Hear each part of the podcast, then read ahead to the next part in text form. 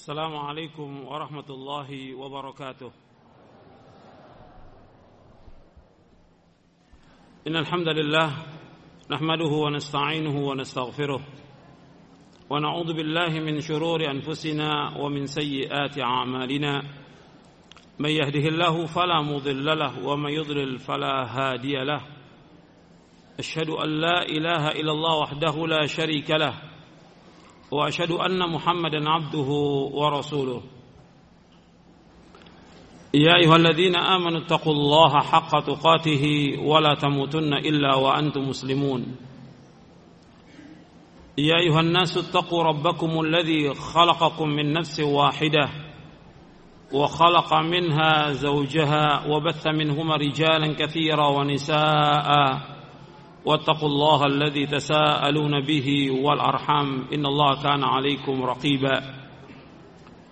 يا أيها الذين آمنوا اتقوا الله وقولوا قولا سديدا.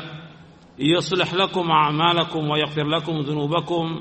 ومن يطع الله ورسوله فقد فاز فوزا عظيما. أما بعد فإن أصدق الحديث كتاب الله.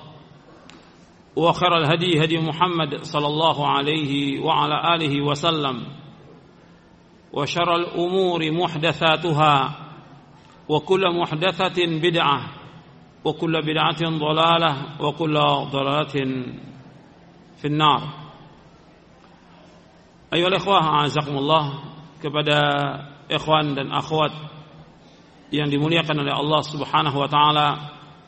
Alhamdulillah kita bersyukur kepada Allah Subhanahu wa taala atas segala nikmat yang Allah karuniakan kepada kita, nikmat Islam, nikmat iman, nikmat sehat, nikmat afiat, nikmat dijauhkan oleh Allah Subhanahu wa taala dari berbagai macam malapetaka. Nikmat diberikan hidayah di atas sunnah Nabi sallallahu alaihi wa ala alihi wasallam. Dan juga nikmat kita diberikan hidayah oleh Allah Subhanahu wa taala untuk selalu dan senantiasa menuntut ilmu syar'i. Ini merupakan nikmat yang besar yang wajib kita syukuri. Kita diberikan hidayah oleh Allah Subhanahu wa taala untuk selalu dan senantiasa menuntut ilmu syar'i. Karena orang yang menuntut ilmu syar'i adalah orang-orang yang paling bahagia di muka bumi ini. Ikhwan fiddin, a'azakumullah. Pada hari ini kita akan membahas tentang doa, tentang keajaiban doa atau rahasia keajaiban doa. Tentang masalah doa ini sudah dibahas oleh para ulama di dalam kitab-kitab mereka dengan rinci dibawakan dalil-dalil dari Quran dan Sunnah yang sahih. Karena doa merupakan ibadah, bahkan afdalul ibadah seutama-utama ibadah. Sebagaimana sabda Rasulullah sallallahu alaihi wasallam ad-du'a huwa al-ibadah doa itu adalah ibadah. Kemudian Nabi sallallahu alaihi wasallam membacakan ayat wa qala rabbukum ud'uni astajib lakum innal ladzina yastakbiruna an ibadati sayadkhuluna jahannama dakhirin Allah berfirman dalam surah Ghafir surah Al-Mu'min ayat 60 Wa qala rabbukum ud'uni astajib lakum. Hendaklah kalian berdoa kepadaku. Aku akan kabulkan doa kalian. Sesungguhnya orang-orang yang sombong dari beribadah kepadaku Mereka akan masuk neraka jahanam dalam keadaan terhina Allah Subhanahu wa taala memerintahkan di dalam ayat ini kepada seluruh manusia untuk berdoa kepada Allah. Dan Allah Subhanahu wa taala berjanji akan mengabulkan doa mereka. Jadi Allah memerintahkan kepada kita untuk berdoa dan Allah berjanji akan mengabulkan doa kita. Wa qala rabbukum ud'uni Hendaklah kalian semuanya berdoa kepadaku. Astajib lakum. Aku akan kabulkan doa kalian. Innal ladina yastakbiruna ibadati sesungguhnya orang-orang yang sombong dari ibadah kepadaku mereka akan masuk neraka jahanam dalam keadaan terhina. Azakumullah. Doa sesuatu yang paling mulia bagi Allah Subhanahu wa taala. Doa adalah ibadah yang paling utama. Dan doa ini dianjurkan oleh Allah dalam Al-Qur'an dan dianjurkan oleh Rasulullah sallallahu alaihi wasallam. Dan kita lihat bahwa para nabi, para rasul alaihi wassalatu wassalam mereka juga berdoa kepada Allah Subhanahu wa taala.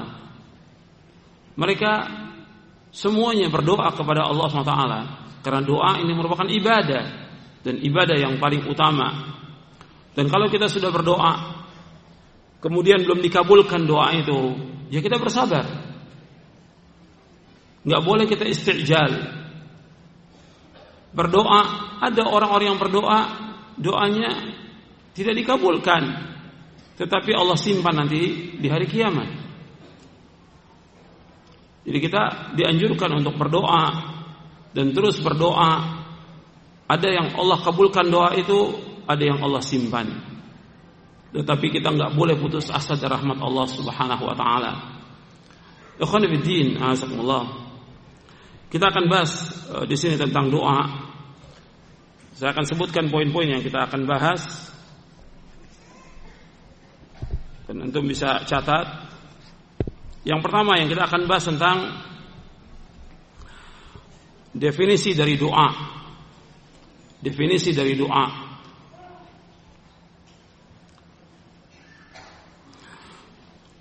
Dijelaskan bahwa doa itu pada asalnya diambil dari kata-kata da'a yad'u du'aan wa da'watan jadi da'a yad'u du'aan wa da'watan artinya berdoa memanggil menyeru beribadah disebutkan dalam lisan al-Arab oleh Ibnu Manzur yang dimaksud dengan doa ar-raghbatu ila Allah azza wa jalla keinginan kepada Allah Subhanahu wa taala. Kemudian juga disebutkan tentang hakikat daripada doa. Dijelaskan oleh Imam Al-Khattabi yang dimaksud dengan hakikat doa adalah إظهار الافتقار إليه والتبرؤ من الحول والقوة وهو سمة العبودية واستشعار الذلة البشرية وفيه معنى الثناء على الله عز وجل وإضافة الجود والكرم إليه. حقيقة دعاء artinya menampakkan kebutuhan kita kepada Allah Allah. Kita berlepas diri dari daya dan upaya. Arti kita berlepas diri dari daya dan upaya bahwa kita nggak punya kemampuan. Dan ini merupakan ciri ibadah. Dan kita merasakan tentang kehinaan. Dan kita menyanjung Allah swt dan menisbatkan seluruh karunia dan kedermawanan hanya kepada Allah Subhanahu wa taala. Jadi kita menampakkan kebutuhan kepada Allah dan kita berlepas diri dari kemampuan kita bahwa kita nggak mampu, nggak punya daya upaya. Dan kita butuh kepada Allah. Dan ini merupakan ciri dari ibadah kepada Allah. Iya karena abudu, wa iya karena. Hanya kepada Engkau ya Allah kami beribadah dan hanya kepada Engkau kami mohon pertolongan.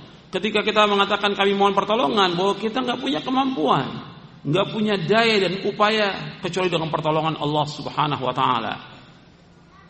Begitu juga Allah SWT berfirman di dalam surah Fatir Ya ayuhan nasu antumul fuqara'u ila Allah wallahu wal ghaniyul hamid. Wahai manusia, sesungguhnya kalian adalah orang-orang yang fakir, orang-orang yang butuh kepada Allah dan Allah itu maha kaya dan Allah itu maha terpuji. Bahwa seluruh manusia ini butuh kepada Allah Subhanahu wa taala. Maka diperintahkan mereka untuk berdoa. Makanya orang-orang yang tidak berdoa, Allah murka kepada mereka.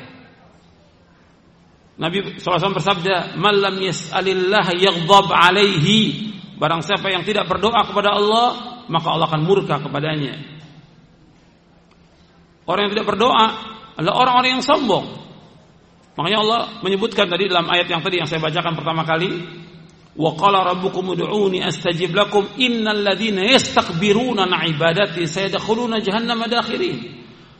Kata Allah, "Hendaklah kalian semua berdoa kepadaku, Aku akan aku akan kabulkan doa kalian. Sesungguhnya orang-orang yang sombong sombong dari beribadah kepadaku, tidak mau berdoa kepada Allah. Ini orang-orang yang sombong. Mereka akan masuk neraka jahanam dalam keadaan terhina. Jadi Allah menyebutkan orang-orang yang tidak berdoa kepada Allah, orang-orang yang sombong. Makanya dengan kita berdoa menunjukkan tentang kebutuhan kita kepada Allah, bahwa kita sangat-sangat butuh kepada Allah SWT, bahwa kita ini fakir, Kemudian Al-Imam Ibnu rahimahullah menjelaskan dalam kitabnya Bada'iul Fawaid tentang hakikat doa kata beliau huwa talabu ma yanfa'u da'i wa talabu kashfi ma yadurruhu aw daf'uhu. Kata Al-Imam Ibnu Qayyim yang dikatakan doa yaitu minta apa yang bermanfaat jadi mohon kepada Allah apa yang bermanfaat dan mohon juga kepada Allah agar dihilangkan apa yang membahayakan dan menolak apa yang membahayakan. Jadi mohon kepada Allah apa yang bermanfaat dan juga mohon kepada Allah untuk dihilangkan dari apa yang membahayakan atau menolak apa yang berbahaya. Disebutkan dalam kitabnya Bada'iul Fawaid. Kalau yang tadi tentang hakikat doa dijelaskan oleh Imam Al-Khattabi dalam kitabnya Sya'nud Doa. Kemudian ikhwan fillah di dalam Al-Qur'an Allah menyebutkan doa itu dengan ibadah. Dan ini banyak ayatnya Allah juga menyebutkan tentang doa bermakna istighatsah. Allah juga menyebutkan dalam Al-Qur'an tentang doa bermakna permintaan. Seperti tentang ibadah tadi sudah disebutkan ayatnya. Juga dalam ayat yang lain Allah berfirman, "Wala tad'u min dunillahi ma la yanfa'uka wa la yadhurruk." Dan janganlah kamu berdoa dan janganlah kamu beribadah kepada selain Allah yang tidak bisa memberikan manfaat kepadamu dan tidak membahayakan kepadamu. Di dalam surah Yunus ayat 106. Kemudian juga doa bermakna istighatsah, arti permintaan tolong di saat sulit. Jadi kalau doa itu sifatnya umum, kalau istighatha yaitu minta tolong kepada Allah di saat sulit, istighatha. Seperti Allah sebutkan dalam surah Al-Baqarah, "Wad'u syuhada'akum min dunillahi in kuntum shadiqin." Jadi wad'u syuhada'akum min dunillah. Adalah kalian menyeru, meminta tolong kepada orang-orang selain Allah untuk membuat Al-Quran yang semisalnya dan mereka nggak akan mampu. Kemudian yang kedua itu yang pertama tentang makna doa. Yang kedua yaitu tentang doa itu dibagi oleh para ulama menjadi dua macam. Yang pertama doa ibadah, yang kedua doa masalah.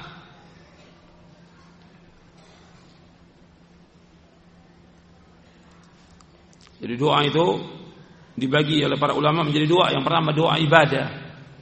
Yang kedua doa masalah. Seperti yang dijelaskan oleh Syekh Abdurrahman bin Nasir As-Sa'di rahimahullah di dalam kitabnya Al-Qawaidul Hisan di tafsir Al-Quran. Kata beliau, "Kullu ma warada fil Qur'ani min al-amri bid-du'a wan nahyi an du'a ghairillah wa thana 'ala da'in yatanawalu du'a al-mas'alah wa du'a al-ibadah. Setiap apa yang datang dari Al-Qur'an yang memerintahkan untuk berdoa dan melarang dari berdoa kepada selain Allah dan juga memuji atas orang-orang yang berdoa itu mencakup doa masalah dan doa ibadah. Dan ini kaidah yang sangat bermanfaat. Doa dibagi menjadi dua, yang pertama doa ibadah, yang kedua doa masalah. Apa yang dimaksud dengan doa ibadah?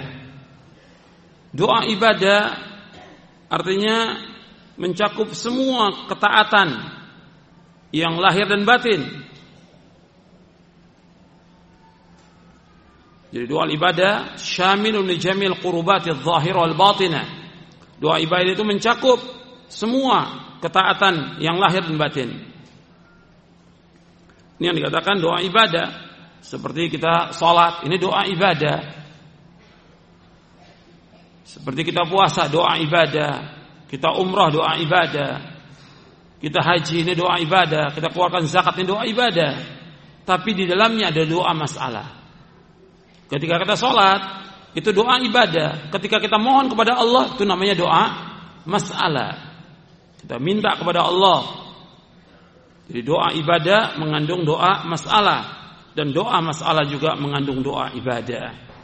Jadi kalau disebutkan doa ibadah artinya mencakup semua ketaatan kepada Allah, semua perbuatan-perbuatan ibadah kepada Allah itu doa ibadah. Adapun doa masalah yaitu permintaan yang kita panjatkan kepada Allah Subhanahu wa taala itu namanya doa masalah. Dan ini mempunyai apa hubungan yang sangat erat antara doa ibadah dengan doa masalah. Kemudian selanjutnya yang ketiga tentang keutamaan doa.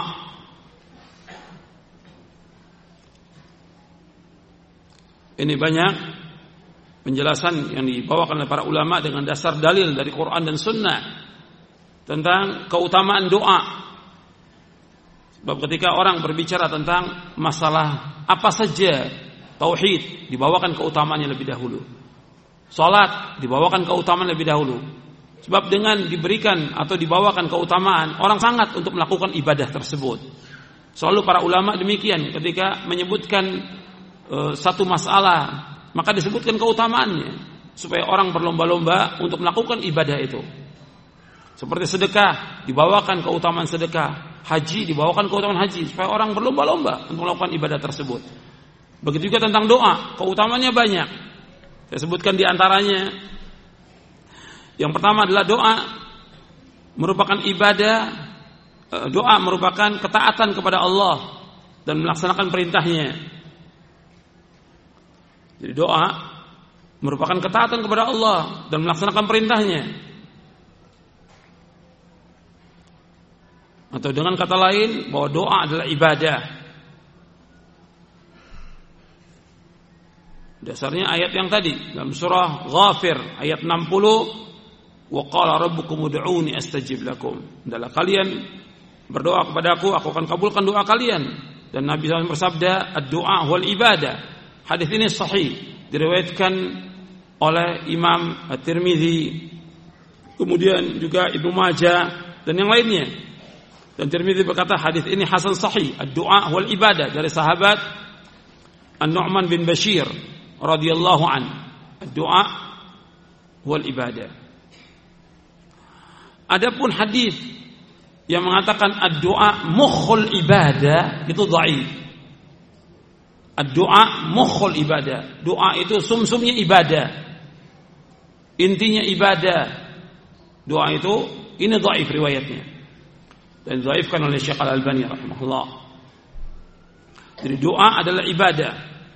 Bahkan di dalam hadis yang lain yang diriwayatkan oleh Imam Hakim dalam kitabnya Al-Mustadrak Rasulullah bersabda, "Afdalul ibadati ad-du'a'u." Kata Rasulullah SAW, "Afdalul ibadati ad-du'a'u."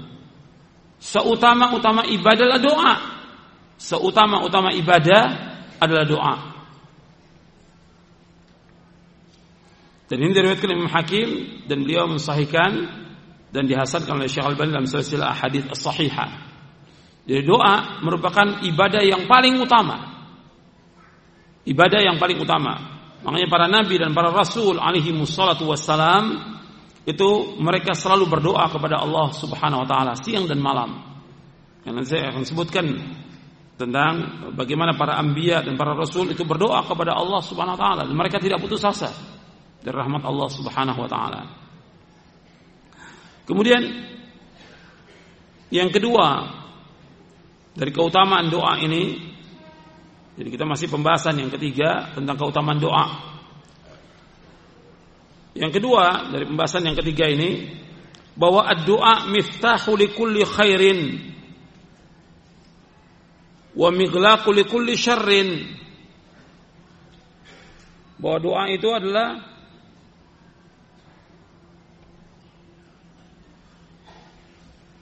doa itu kunci dari setiap kebaikan dan menutup setiap kejelekan. Doa miftah li kulli khairin wa miglaqu li kulli syarr. Bahwa doa itu merupakan kunci dari semua kebaikan dan juga menutup semua kejelekan. Jadi doa itu akan membuka semua kebaikan. Jadi ketika seorang mengalami kesulitan atau kesusahan, maka dia berdoa kepada Allah. Allah akan datangkan pertolongan. Seperti doanya Nabi Nuh alaihi salatu wassalam ketika kaumnya sudah mau tidak mau terima dakwah dan Nabi Nuh alaihi salatu wasallam berdoa eh, berdakwah 950 tahun dan luar biasa sabarnya dan beliau termasuk ulul azmi minar rusul berdakwah 950 tahun siang dan malam berdakwah.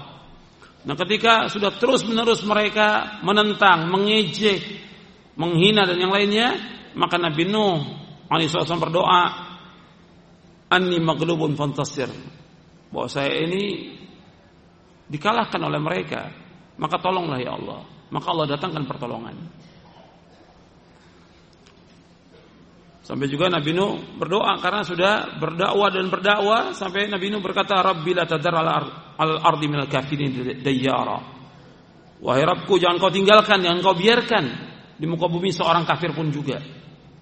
Karena luar biasa mereka menentang dakwahnya Nabi Nuh alaihi salatu wassalam. Dan Allah turunkan hujan dan dikeluarkan air dari bumi. Maka Nabi Nuh disuruh untuk membuat perahu supaya dibawa orang-orang yang akan diselamatkan oleh Allah Subhanahu wa taala. Begitu juga Nabi Ibrahim alaihi salatu wassalam. Beliau lama tidak punya anak, Begitu juga Nabi Zakaria lama tidak punya anak. Bahkan disebutkan oleh Allah dalam Al-Quran bahwa istrinya itu mandul. Tapi dengan berdoa dikabulkan oleh Allah SWT. Nabi Ibrahim berdoa, Rabbi habli minas salihin. Ya Allah berikanlah aku keturunan yang saleh. Maka Allah berikan. Yaitu Ishak dan Allah berikan Ismail alaihi wassalatu wassalam. Begitu juga Nabi Zakaria berdoa demikian. Dan masih banyak lagi yang lain doa-doanya para anbiya wa rasul. Seperti juga Nabi Yunus ketika ditelan oleh ikan paus. Kemudian Nabi Yunus berdoa, La ilaha illa anta subhanaka inni kuntu minadh zalimin. La ilaha illa anta subhanaka inni kuntu minadh zalimin. Tidak ada ilah yang berhak diberikan hanya Engkau ya Allah dan aku termasuk orang yang berbuat kezaliman diselamatkan oleh Allah Nabi Daud juga demikian Nabi Sulaiman alaihi salatu berdoa kepada Allah dikabulkan Nabi Sulaiman itu diberikan kekayaan oleh Allah yang tidak ada lagi orang yang bisa menyamai beliau tidak bisa dan beliau berdoa Rabbi ighfirli wa habli mulkan la yanbaghi li ahadin min ba'di innaka antal wahhab Wahai Rabbku, ampunlah dosaku. Dan berikanlah aku kerajaan yang tidak patut. Yang gak bisa dimiliki oleh seorang pun sesudahku. Sesungguhnya engkaulah yang memberikan karunia. Begitu juga tadi saya sebutkan Nabi Zakaria dia berdoa Rabbi la tazarni farda wa anta khairul warithin. Ya Allah jangan kau biarkan aku sendiri dan kau sebaik-baik yang mewariskan. Begitu juga Nabi Muhammad alaihissalatu berdoa agar Islam ini dikuatkan dengan Umar bin Khattab radhiyallahu an dan doanya dikabulkan. Jadi doa ini akan membawa kepada semua kebaikan dan juga menolak kejahatan, kejelekan. Jadi kejelekan-kejelekan atau bahaya itu akan dihindarkan dengan doa kepada Allah SWT. Jadi ada orang yang akan kena bahaya, maka bahaya itu tidak akan mengenai dia dengan doa Ada orang yang terkena penyakit yang lama sekali penyakitnya, disembuhkan oleh Allah. Meskipun dokter sudah mengatakan bahwa penyakit ini tidak bisa sembuh. Sampai ada di antara mereka memastikan tidak mungkin sembuh. Tapi dengan kekuasaan Allah SWT dia berdoa dan berdoa hilang penyakit itu. Dan ini sudah dicoba jutaan orang yang seperti itu. Maka nggak boleh putus asa dari rahmat Allah SWT. Tidak boleh putus asa. Seperti tadi Nabi Ibrahim dan Nabi Zakaria tua dan Allah sebutkan bahwa istrinya akhir mandul nggak mungkin punya anak. Tapi Allah berikan dengan kekuasaan Allah. Berdoa dan berdoa terus nggak pernah berhenti. Berdoa. Jadi Allah yang maha berkuasa dan kita tidak boleh putus asa dari rahmat Allah. Apa pun bahaya yang akan menimpa kita kita berdoa maka Allah akan hilangkan bahaya itu. Jadi doa itu dengan doa akan membuka pintu kebaikan dan dengan doa juga akan menutup semua pintu kejelekan. Kemudian yang ketiga dari keutamaan doa bahwa doa ini sesuatu yang paling mulia. Doa akramu syai'in 'ala Allah. Doa ini yang paling mulia atas Allah SWT. Sebagaimana sabda Rasulullah SAW dari sahabat Abu Hurairah radhiyallahu an Nabi SAW bersabda, "Laisa syai'un akrama 'ala Allah azza wa jalla min ad-du'a." Rasulullah SAW bersabda, tidak ada sesuatu yang paling mulia, artinya yang paling cepat memberikan manfaat dan paling utama Allah melainkan doa. Hadis ini diriwayatkan oleh Imam Ahmad, Bukhari dalam kitabnya Al-Adabul Mufrad dan Ibnu Majah Diriwayatkan juga oleh Imam Hakim dan disahkan oleh beliau dan dihasankan oleh Syekh Al-Albani dalam kitabnya Sahih Al-Adabul Mufrad. Jadi laisa syai'un akram Allah azza wa jalla min.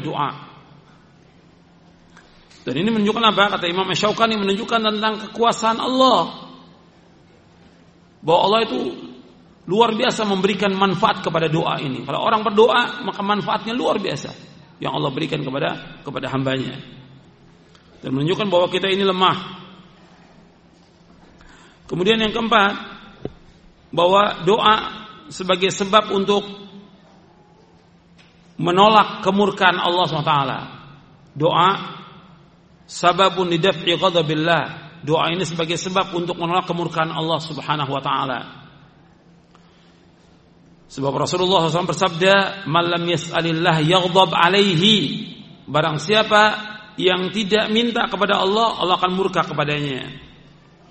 Barang siapa yang tidak memohon kepada Allah, tidak berdoa kepada Allah, maka Allah akan murka kepadanya.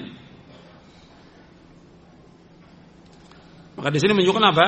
Kata para ulama bahwa doa ini merupakan ahamul wajibat wa a'zamul mafrudat bahwa doa ini termasuk kewajiban yang paling penting dan juga kewajiban yang paling agung. Dengan kita berdoa, maka Allah akan cinta kepada kita. Dengan kita berdoa, Allah akan senang kepada kita. Dengan berdoa, kita menolak kemurkaan Allah Subhanahu wa taala. Yang kelima, dari keutamaan doa, doa merupakan dalil tentang tawakalnya seorang hamba kepada Allah. Ya, doa merupakan dalil tawakalnya seorang hamba kepada Allah Subhanahu wa taala. Dengan dia berdoa, dia bersandar hanya kepada Allah. Dengan dia berdoa, dia bersandar kepada Allah. Makanya kita keluar rumah itu, kita baca bismillahi tawakkaltu 'ala Allah la haula wala quwata illa billah. Kita nggak punya kekuatan, tidak ada daya dan upaya kecuali pertolongan Allah. Kita serahkan semua urusan kita kepada Allah Subhanahu wa taala. Kemudian yang keenam bahwa doa sebagai tanda kekuatan dan juga tanda kepintaran seseorang. Dengan doa sebagai tanda kekuatan dan juga kepintaran seorang. Jadi maksud kekuatan ini dia bukan orang yang lemah. Justru orang yang kuat itu dia selalu berdoa kepada Allah dan minta kepada Allah. Sedangkan orang yang lemah adalah orang yang lemah yang tidak berdoa kepada Allah SWT. Sebagaimana sabda Rasulullah SAW, Rasul bersabda, "A'jazun nas man ajiza 'anid du'a wa abkhalun nas man bakhila bis salam." Kata Rasulullah SAW, manusia yang paling lemah adalah manusia yang paling lemah dari berdoa kepada Allah SWT. Dan manusia yang paling bakhil adalah orang yang bakhil untuk mengucapkan salam kepada orang. Hadis ini diriwayatkan oleh Ibnu Hibban dalam kitabnya Mawaridul Dhama'an dan juga diriwayatkan oleh yang lainnya dan hadis ini disahihkan oleh Syekh Al-Albani dalam silsilah ahadits as-sahihah. Jadi orang yang paling lemah yang lemah dalam berdoa. Berdoa ini nggak butuh apa-apa. Kita bisa berdoa sambil duduk. Kita bisa berdoa sambil berbaring. Kita berdoa dalam keadaan apa saja bisa kita berdoa. Maka kalau kondisi yang bagaimanapun juga dia bisa berdoa, dia tidak gunakan untuk berdoa, dia adalah orang yang lemah.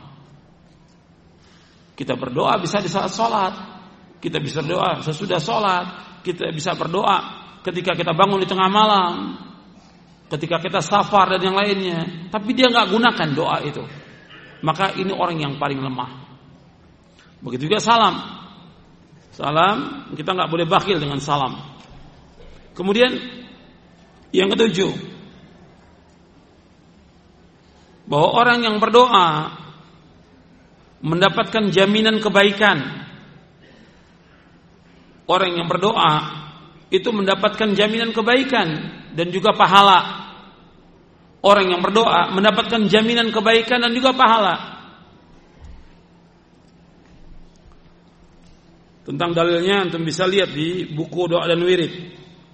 Ada di buku doa dan wirid di halaman 37. Di buku doa dan wirid di halaman 37 Nabi SAW bersabda, "Ma min muslimin yad'u Allah bid'awatin laisa fiha ithmun wala qati'atu rahimin illa atahu Allah biha ihda thalathin imma an tu'ajjala lahu da'watuhu wa imma yaddakhiraha lahu fil akhirah wa imma yasrifa anhu min as-su'i mithlaha qalu idhan nuqtir qala Allahu akthar Rasulullah sallallahu alaihi wasallam bersabda tidaklah seorang muslim berdoa kepada Allah dengan satu doa yang di dalamnya tidak mengandung dosa dan tidak memutuskan satu rahim, satu rahmi melainkan Allah akan memberikan kepadanya salah satu dari tiga kemungkinan. Setiap orang yang berdoa, selama doanya itu tidak untuk memutuskan satu rahim, dan selama doanya tidak untuk berbuat dosa, maka Allah akan berikan tiga. Yang pertama, akan dikabulkan dengan segera doanya tersebut. Yang kedua, Allah akan menyimpan baginya di akhirat yang ketiga, Allah akan mengamdarkan darinya keburukan yang semisalnya. Maka para sahabat berkata, kalau begitu kita memperbanyak doa. Kata Rasulullah SAW, Allah lebih banyak memberikan pahala. Hadis ini diriwayatkan oleh Imam Ahmad, Bukhari dalam kitabnya Al-Mufrad, Al-Hakim dari sahabat Abu Sa'id Al-Khudri dan hadis ini sahih. Jadi Nabi sallallahu alaihi wasallam menyebutkan ma min muslimin yad'u Allah bid'awatin laisa fiha ithmun wala qati'atu rahimin illa atallahu biha ihda thalathin imma an tu'ajjala lahu da'watuhu wa imma yaddakhira lahu fil akhirah wa imma yasrifa anhu min as-su'i mithlaha jadi setiap muslim yang berdoa kepada Allah dengan satu doa yang tidak ada perbuatan dosa dan tidak memutuskan rahim maka Allah akan memberikan tiga. Yang pertama, Allah akan segerakan dikabulkan doa itu. Yang kedua, Allah akan simpan dia di akhirat sebagai pahala dia di akhirat. Yang ketiga, Allah akan hindarkan dia dari kejelekan atau keburukan yang semisalnya. Jadi Allah akan hindarkan. Jadi ada orang yang berdoa dan doanya doa ini ibadah. Meskipun tidak dikabulkan, tetap dapat ganjaran. Doa, ibadah. meskipun belum dikabulkan oleh Allah, tetap dapat ganjaran. Selama dia kerjakan ikhlas karena Allah dan ittiba dan dia berdoa sesuai dengan sunnah Nabi sallallahu alaihi wasallam. Jadi kalau ada orang berdoa, ada yang doanya itu disegerakan. Dia berdoa kepada Allah, Allah kabulkan doanya. Dia minta dikabulkan, dia minta dikabulkan. Dan kalau kita lihat dari doa-doa kita yang kita panjatkan kepada Allah, yang terbanyak itu yang dikabulkan. Sedikit yang tidak dikabulkan, yang terbanyak yang dikabulkan oleh Allah SWT. Makanya ketika kita tidak dikabulkan ya kita sabar. Tapi doa nggak boleh putus asa. Jadi imah dikabulkan, yang kedua Allah simpan di akhirat sebagai ganjaran. Atau yang ketiga Allah hindarkan kita dari uh, keburukan. Jadi orang terkena penyakit, dia berdoa supaya penyakit itu disembuhkan, tapi belum disembuhkan. Pada hakikatnya Allah akan hindarkan dia dari penyakit yang lebih parah lagi daripada itu. Tapi doanya tetap. Dia berdoa kepada Allah. Jadi meskipun penyakit itu belum sembuh, tapi Allah hindarkan dari penyakit yang lebih berbahaya daripada itu. Allah hindarkan. Dan ini riwayat ini sahih. Jadi di antara e, keutamaan doa itu orang yang berdoa mendapatkan jaminan kebaikan, nggak akan rugi kita berdoa kepada Allah, nggak akan rugi. Mendapatkan pahala. Semakin terus kita berdoa siang dan malam, semakin pahalanya banyak buat kita. Ada orang-orang yang berdoa sampai menjelang akhir hayat pun dia berdoa untuk minta anak, artinya minta keturunan, nggak dikabulkan oleh Allah SWT. Tapi apakah doanya sia-sia? Tidak. Oh, doa-doa yang dia panjatkan sepanjang umur dia tetap jadi celengan dia di akhirat nanti. Bisa jadi dari doa itu Allah akan simpan yang dengan itu diangkat derajatnya nanti di sorga oleh Allah SWT. Atau dengan doa dia dihindarkan dari api neraka. Atau dengan doanya dia Allah hapuskan Allah hapuskan dosa-dosanya dan yang lainnya lagi masih banyak. Makanya Allah akan simpan dia di akhirat. Jadi nggak merugi orang yang berdoa. Kemudian yang kedelapan, yang kedelapan bahwa doa itu bermanfaat, cepat atau lambat. Maka Nabi SAW bersabda, Inna doa yanfa mimma nazala wa mimma lam yanzil fa'alaikum ibadallahi bid doa. Untuk melihat hadisnya di buku doa wirid di halaman 36. Di halaman 36. Rasul, Rasulullah sallallahu alaihi bersabda, "Inna du'a yanfa'u mimma nazala wa mimma lam yanzil." Fa'alaikum ibadallahi bid doa. Sesungguhnya doa bermanfaat dari apa-apa yang menimpa wa mimma dari apa yang belum menimpa. Maka karena itu wahai hamba Allah hendaknya kalian berdoa kepada Allah. Ini hadis diriwayatkan oleh Imam At-Tirmidzi dan Hakim dari sahabat Abdullah bin Umar dan hadis ini hasan. Jadi doa ini bermanfaat kepada musibah atau petaka yang sudah menimpa atau penyakit yang sudah menimpa atau yang belum menimpa. Makanya kita terus berdoa kepada Allah agar Allah hindarkan dari berbagai macam malapetaka. Kemudian yang kesembilan bahwa doa sebagai sebab menolak bahaya. Jadi doa sababun lidaf'il bala qabla nuzuli. Doa itu sebagai sebab untuk menolak bala sebelum terjadi. Jadi kita berlindung pada Allah dari malapetaka, dari mara bahaya, dari berbagai penyakit yang berbahaya. Kita berdoa. Makanya Nabi SAW bersabda, La yaruddul qadar illa doa. Dan berarti yang lain, La yaruddul qada illa doa. Tidak ada yang dapat menolak qadar atau qada itu kecuali doa. Makanya kata Imam Asy-Syaukani, yang di sini diriwayatkan oleh Imam Ahmad, Ibnu Majah dan Tirmidzi. Di sini hasan. La yaruddul qadar ila doa. Atau dalam lafaz lain, la yaruddul qada ila doa.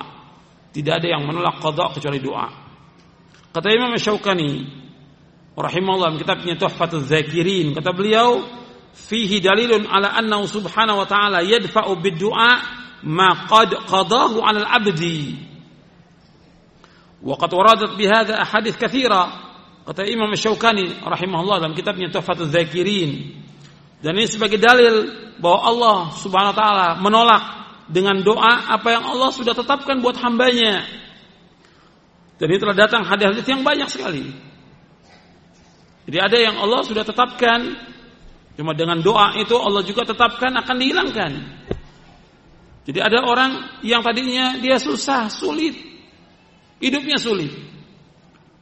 Tapi dengan dia berdoa, berdoa, maka Allah berikan kepada dia kecukupan.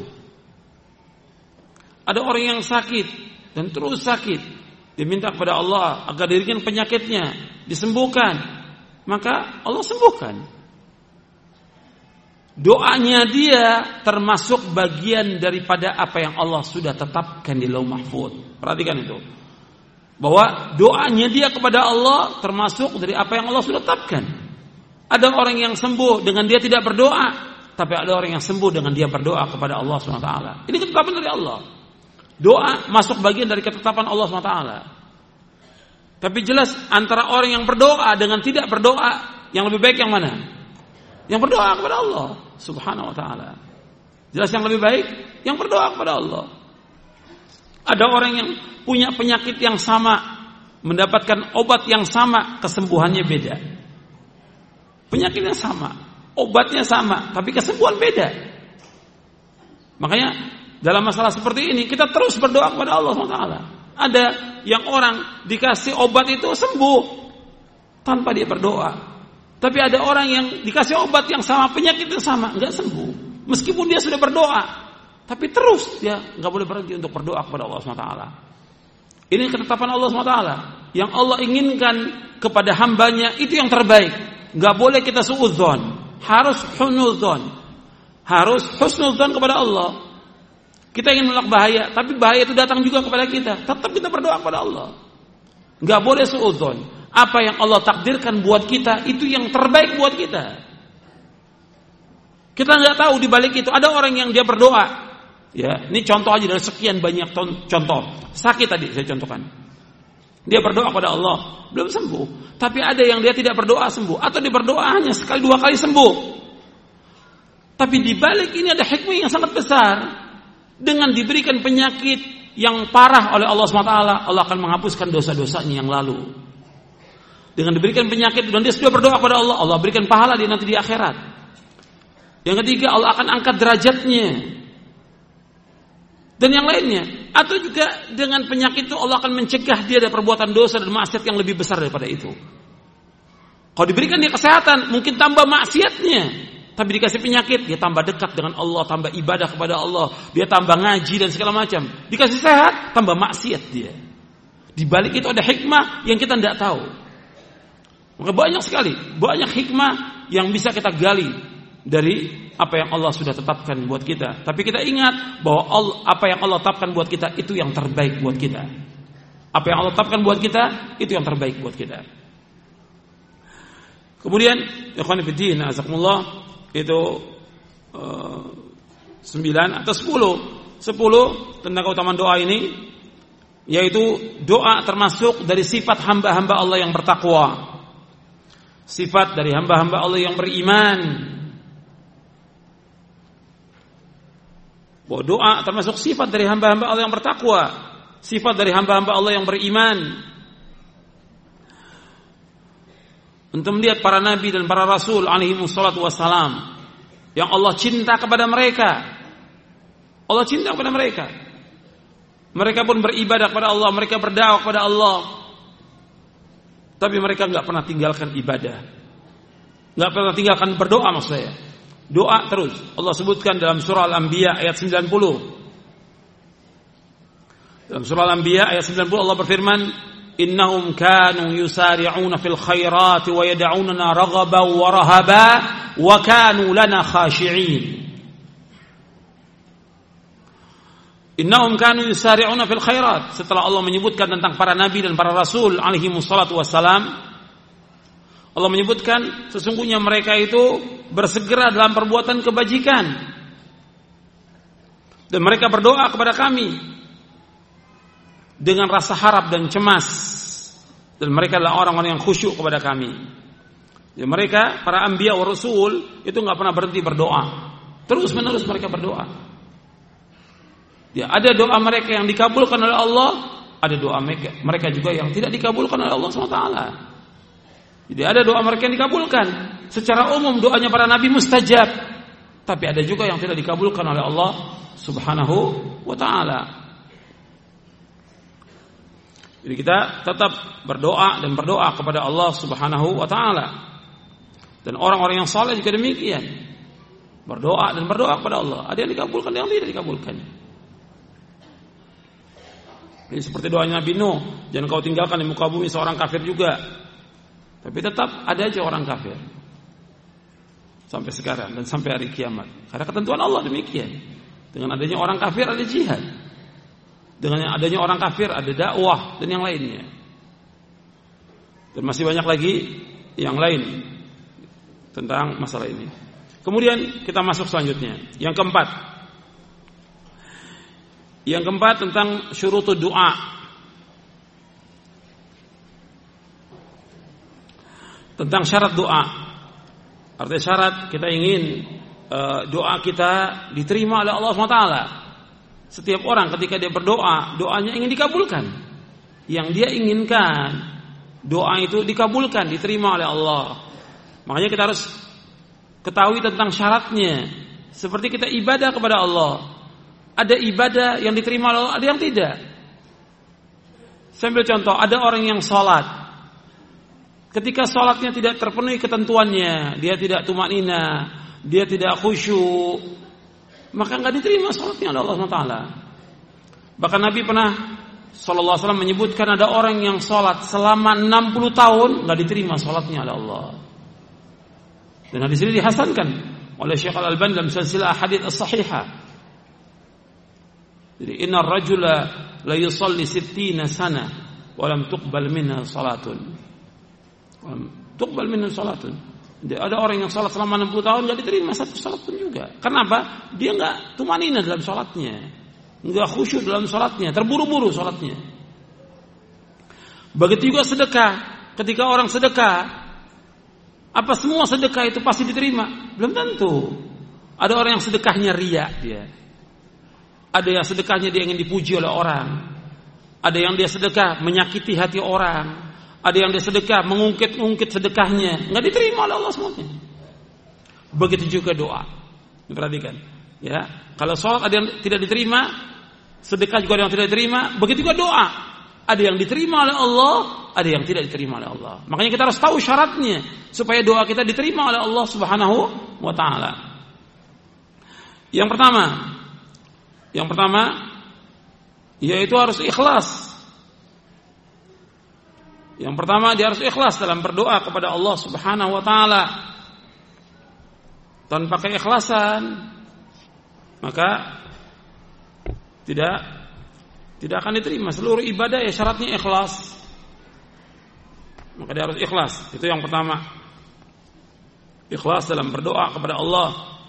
Allah SWT berfirman di dalam surah Ghafir ayat 14, "Fad'u Allah mukhlishin al-huddin walau karihal kafirun. Hendaklah kalian berdoa kepada Allah dengan ikhlas. Jadi berdoa kepada Allah dengan ikhlas. Ikhlaskan ibadah itu hanya kepada Allah. Jadi fad Allah mukhlisin lahu din walau karihal kafirun. Itu yang pertama ikhlas. Dan juga di dalam keikhlasan ini kita juga meyakini bahwa kita harus berdoa hanya kepada Allah, tidak boleh kepada yang lain. Perhatikan, dalam keikhlasan doa kita, kita berdoa hanya kepada Allah, tidak kepada yang lain. Kalau ada orang yang berdoa kepada selain Allah, tidak akan diterima doanya. Allah berfirman dalam surah Al-Jin, "Wa annal masajid lillahi fala tad'u ma'allahi ahada." Dan bahwasanya masjid-masjid itu milik Allah dalam surah Jin ayat 18. Masjid itu milik Allah, maka jangan kalian berdoa kepada seorang pun bersama Allah. Al-masajid diartikan dua oleh para mufassirin. Yang pertama diartikan yaitu masjid tempat ibadah, nggak boleh ada orang yang berdoa kepada selain Allah, memohon atau meminta kepada selain Allah. Maka doanya tidak akan dikabulkan. Nanti kita akan bahas tentang hubungan antara doa dan akidah. Nanti kita akan bahas.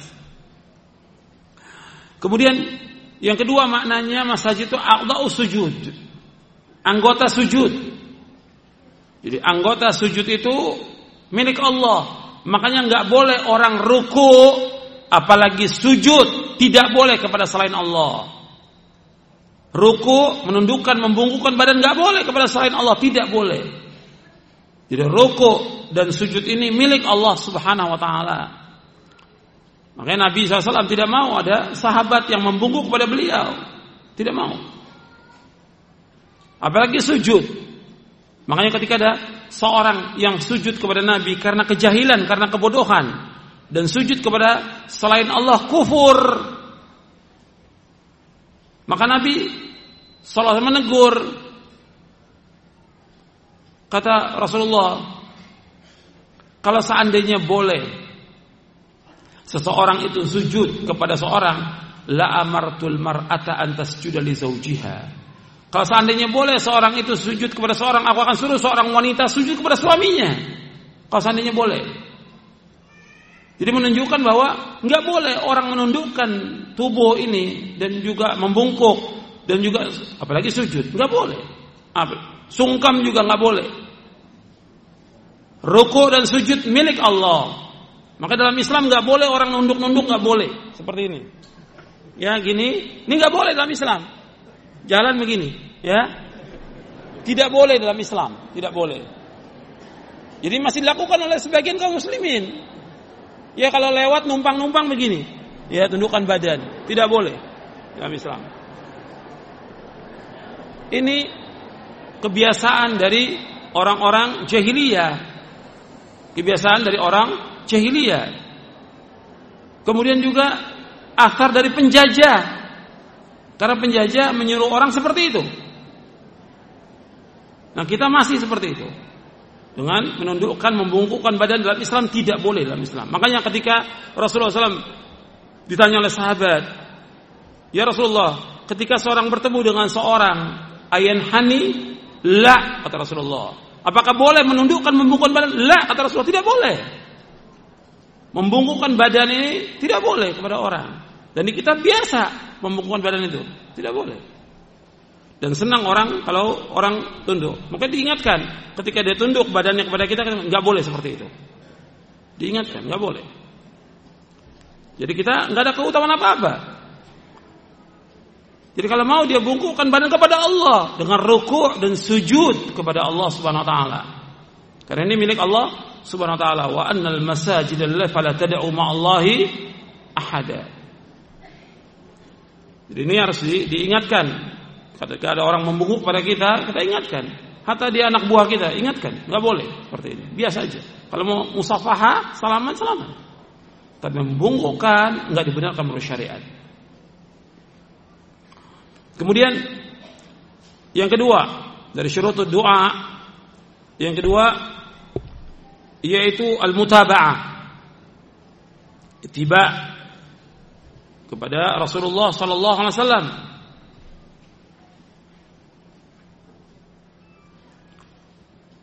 Jadi mutaba'ah artinya ittiba kepada Rasulullah sallallahu alaihi wasallam. Dalam kita berdoa ini harus itiba kepada beliau karena yang perlu kita ingat bahwa Rasulullah SAW adalah orang yang paling takut kepada Allah, yang paling takwa kepada Allah, yang paling banyak berdoa kepada Allah. Rasulullah adalah orang yang paling tahu tentang Allah, yang paling takwa kepada Allah, yang paling takut kepada Allah, dan beliau adalah orang yang paling banyak berdoa kepada Allah SWT. Maka kita ikut Bagaimana Rasulullah? Gak boleh kita mempunyai cara-cara atau kaifiat atau bacaan-bacaan yang kita buat-buat. Kita wajib itiba. Yang Rasulullah lakukan kita lakukan, yang tidak jangan kita lakukan. Banyak orang melakukan doa-doa yang Nabi nggak contohkan. Bagaimana akan dikabulkan doa itu? Karena nggak ada contoh. Seorang Nabi bersabda, "Man ahdatsa fi amrina hadza ma laysa minhu fahuwa raddun." Barang siapa mengadakan sesuatu yang baru dalam agama kami yang tidak contohnya tertolak tertolak. Maka ada contoh. Saya ambil contoh dari sekian banyak contoh, ya. Ya, contoh ini seperti orang yang berdoa di kuburan. Dianggap kalau berdoa di tempat itu, dia nggak berdoa kepada penghuni kubur, tapi berdoa di kuburannya orang soleh. Dia berdoa kepada Allah, tapi di sisi kuburan orang soleh. Dia menganggap kalau doa di situ pasti dikabulkan doanya. Atau di sisi kuburan orang tua, ini beda. Kalau dia minta kepada penghuni kubur, syirkun akbar. Kalau dia berdoa dan minta kepada penghuni kubur, ini jatuhnya kepada syirkun akbar. Syirik yang paling besar. Makanya tidak ada di muka bumi orang yang paling sesat di muka bumi melainkan orang yang berdoa dan meminta kepada selain Allah. Yang mengatakan demikian adalah Allah SWT dalam Al-Quran. Tidak ada di muka bumi orang yang paling sesat di muka bumi ini melainkan orang yang berdoa dan meminta kepada selain Allah. Allah mengatakan demikian dalam Al-Quran dalam surah Al-Ahqaf. Wa man adallu mimma yad'u min dunillahi ma la yastajibu lahu ila yaumil qiyamah. Wahum an du'aihim ghafilun. Wa idza husyira an-nasu kanu lahum a'daan wa kanu bi ibadatihim kafirin. Dan tidak ada di muka bumi orang yang paling sesat melainkan orang-orang yang berdoa kepada selain Allah. Yang tidak bisa menjawab sampai hari kiamat. Dan mereka lalai dari doa-doa mereka. Dan nanti pada hari kiamat Allah akan kumpulkan mereka. Dan mereka akan ditanya tentang apa yang mereka lakukan dan akhirnya menjadi musuh jadi orang yang berdoa seperti ada orang yang berdoa kepada orang soleh. Atau dia datang ke Madinah, ke Masjid Nabawi. Dia minta kepada Rasulullah, Ya Rasulullah tolonglah saya, mudahkan urusan saya. Ini syirkun akbar. Syirik yang paling besar. Nggak boleh berdoa kepada makhluk. Berdoa hanya kepada Allah saja. Ud'uni astajib lakum. Berdoalah hanya kepadaku saja. Aku akan kabulkan doa kalian. Makanya ini di antara doa yang beda. Contoh lagi doa yang beda lakukan sebagian kaum muslimin sesudah Selesai sholat yang wajib, rame-rame berdoa. Berzikir dengan keras berdoa. Yang berdoa juga hatinya lalai karena rutinitas dia baca, yang ngaminkan juga sama. Gimana akan dikabulkan? Sedangkan masing-masing kita punya kebutuhan yang berbeda-beda. Itu di antara contoh sekian banyak contoh doa-doa yang tidak mengikuti contoh Rasulullah sallallahu alaihi wa ala alihi wasallam kita wajib ittiba pada beliau. Dan dalilnya banyak dalam Al-Qur'an di antaranya dalam surah Ali Imran, "Qul in kuntum tuhibbunallaha fattabi'uni yuhibbukumullah wa yaghfir lakum dzunubakum wallahu ghafurur rahim." Katakanlah seandainya kamu cinta kepada Allah ikuti aku. Insya Allah akan cinta kepada kamu. Allah Maha Pengampun dan Maha Penyayang. Artinya kalau seandainya kamu cinta kepada Allah ikuti aku, maka Allah akan cinta kepada kamu. Allah akan mengampuni dosa-dosa kamu. Kemudian yang ketiga, yang ketiga, as-siqah billah wal yakin bil ijabah. Yang ketiga, yaitu harus kita percaya kepada Allah dan yakin Allah akan kabulkan doa kita. Kita harus percaya kepada Allah dan kita yakin bahwa Allah akan mengabulkan doa kita. Ini penting. Kita harus percaya kepada Allah SWT bahwa Allah akan mengabulkan doa kita. Sebab Nabi SAW bersabda dalam hadis yang hasan yang diriwayatkan oleh Imam Tirmizi, Allah wa antum muqinuna bil ijabah." Berdoalah kepada Allah dan kalian harus yakin bahwa Allah akan mengabulkan doa kalian.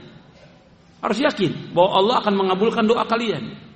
Makanya kita harus percaya kepada Allah SWT.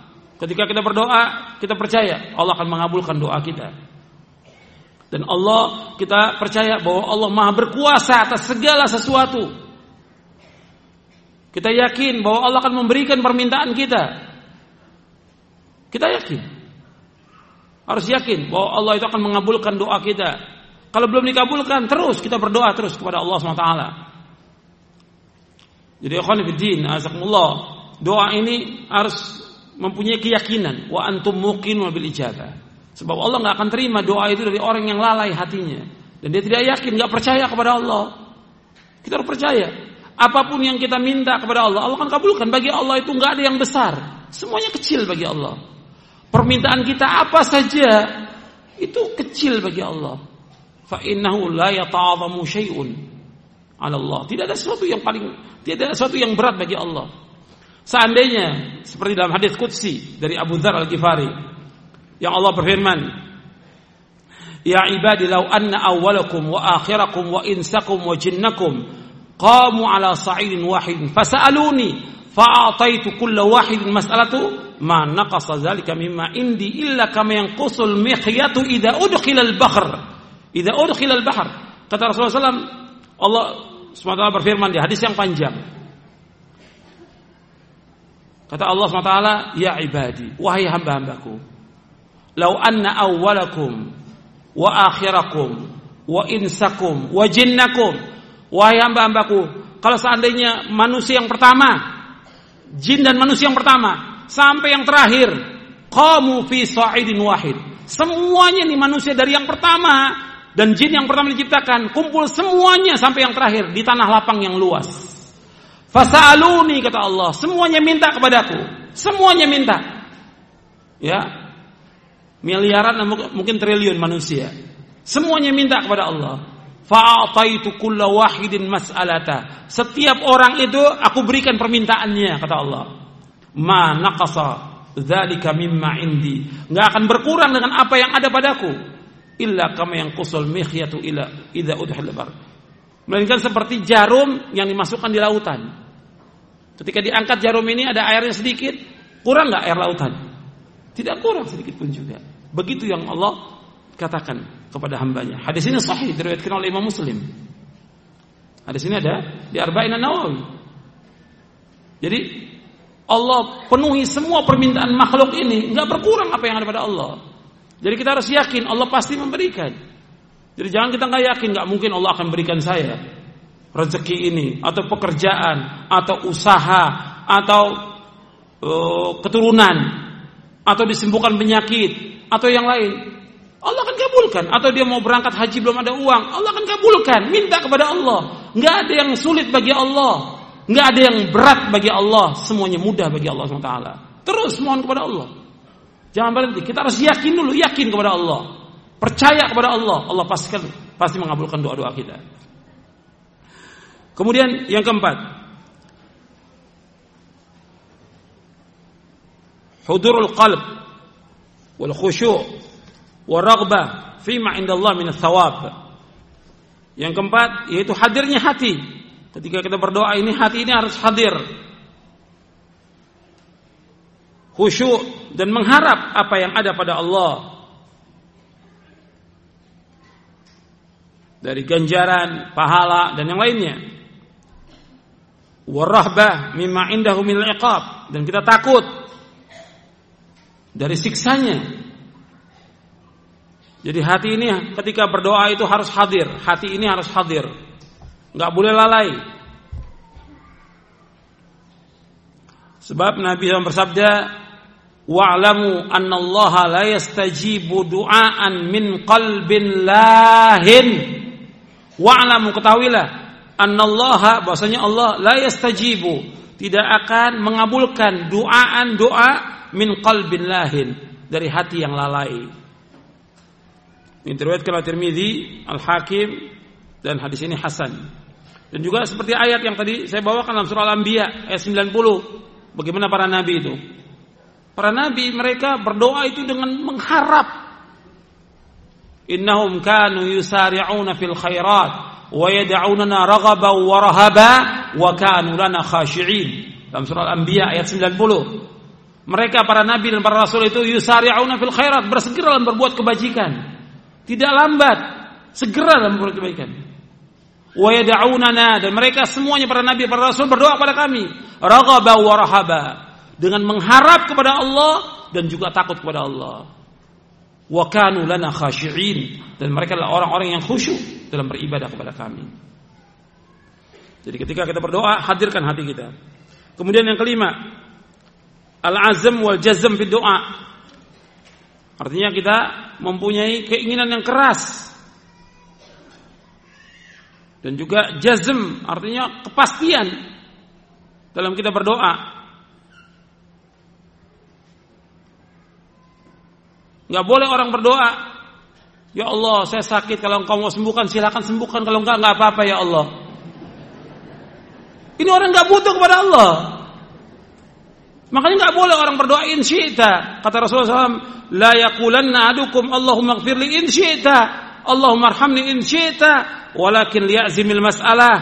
Wal yu'adzimir raghbah. Fa inna Allah la yata'azamuhu syai'un a'tah. Mutafakun alaih. Kata Rasulullah SAW, janganlah seorang dari kamu berdoa, Ya Allah ampunilah dosaku jika mau. Gak boleh. Allah marhamni in syi'ta, ya Allah, sayangilah aku jika engkau mau, jika engkau kehendaki.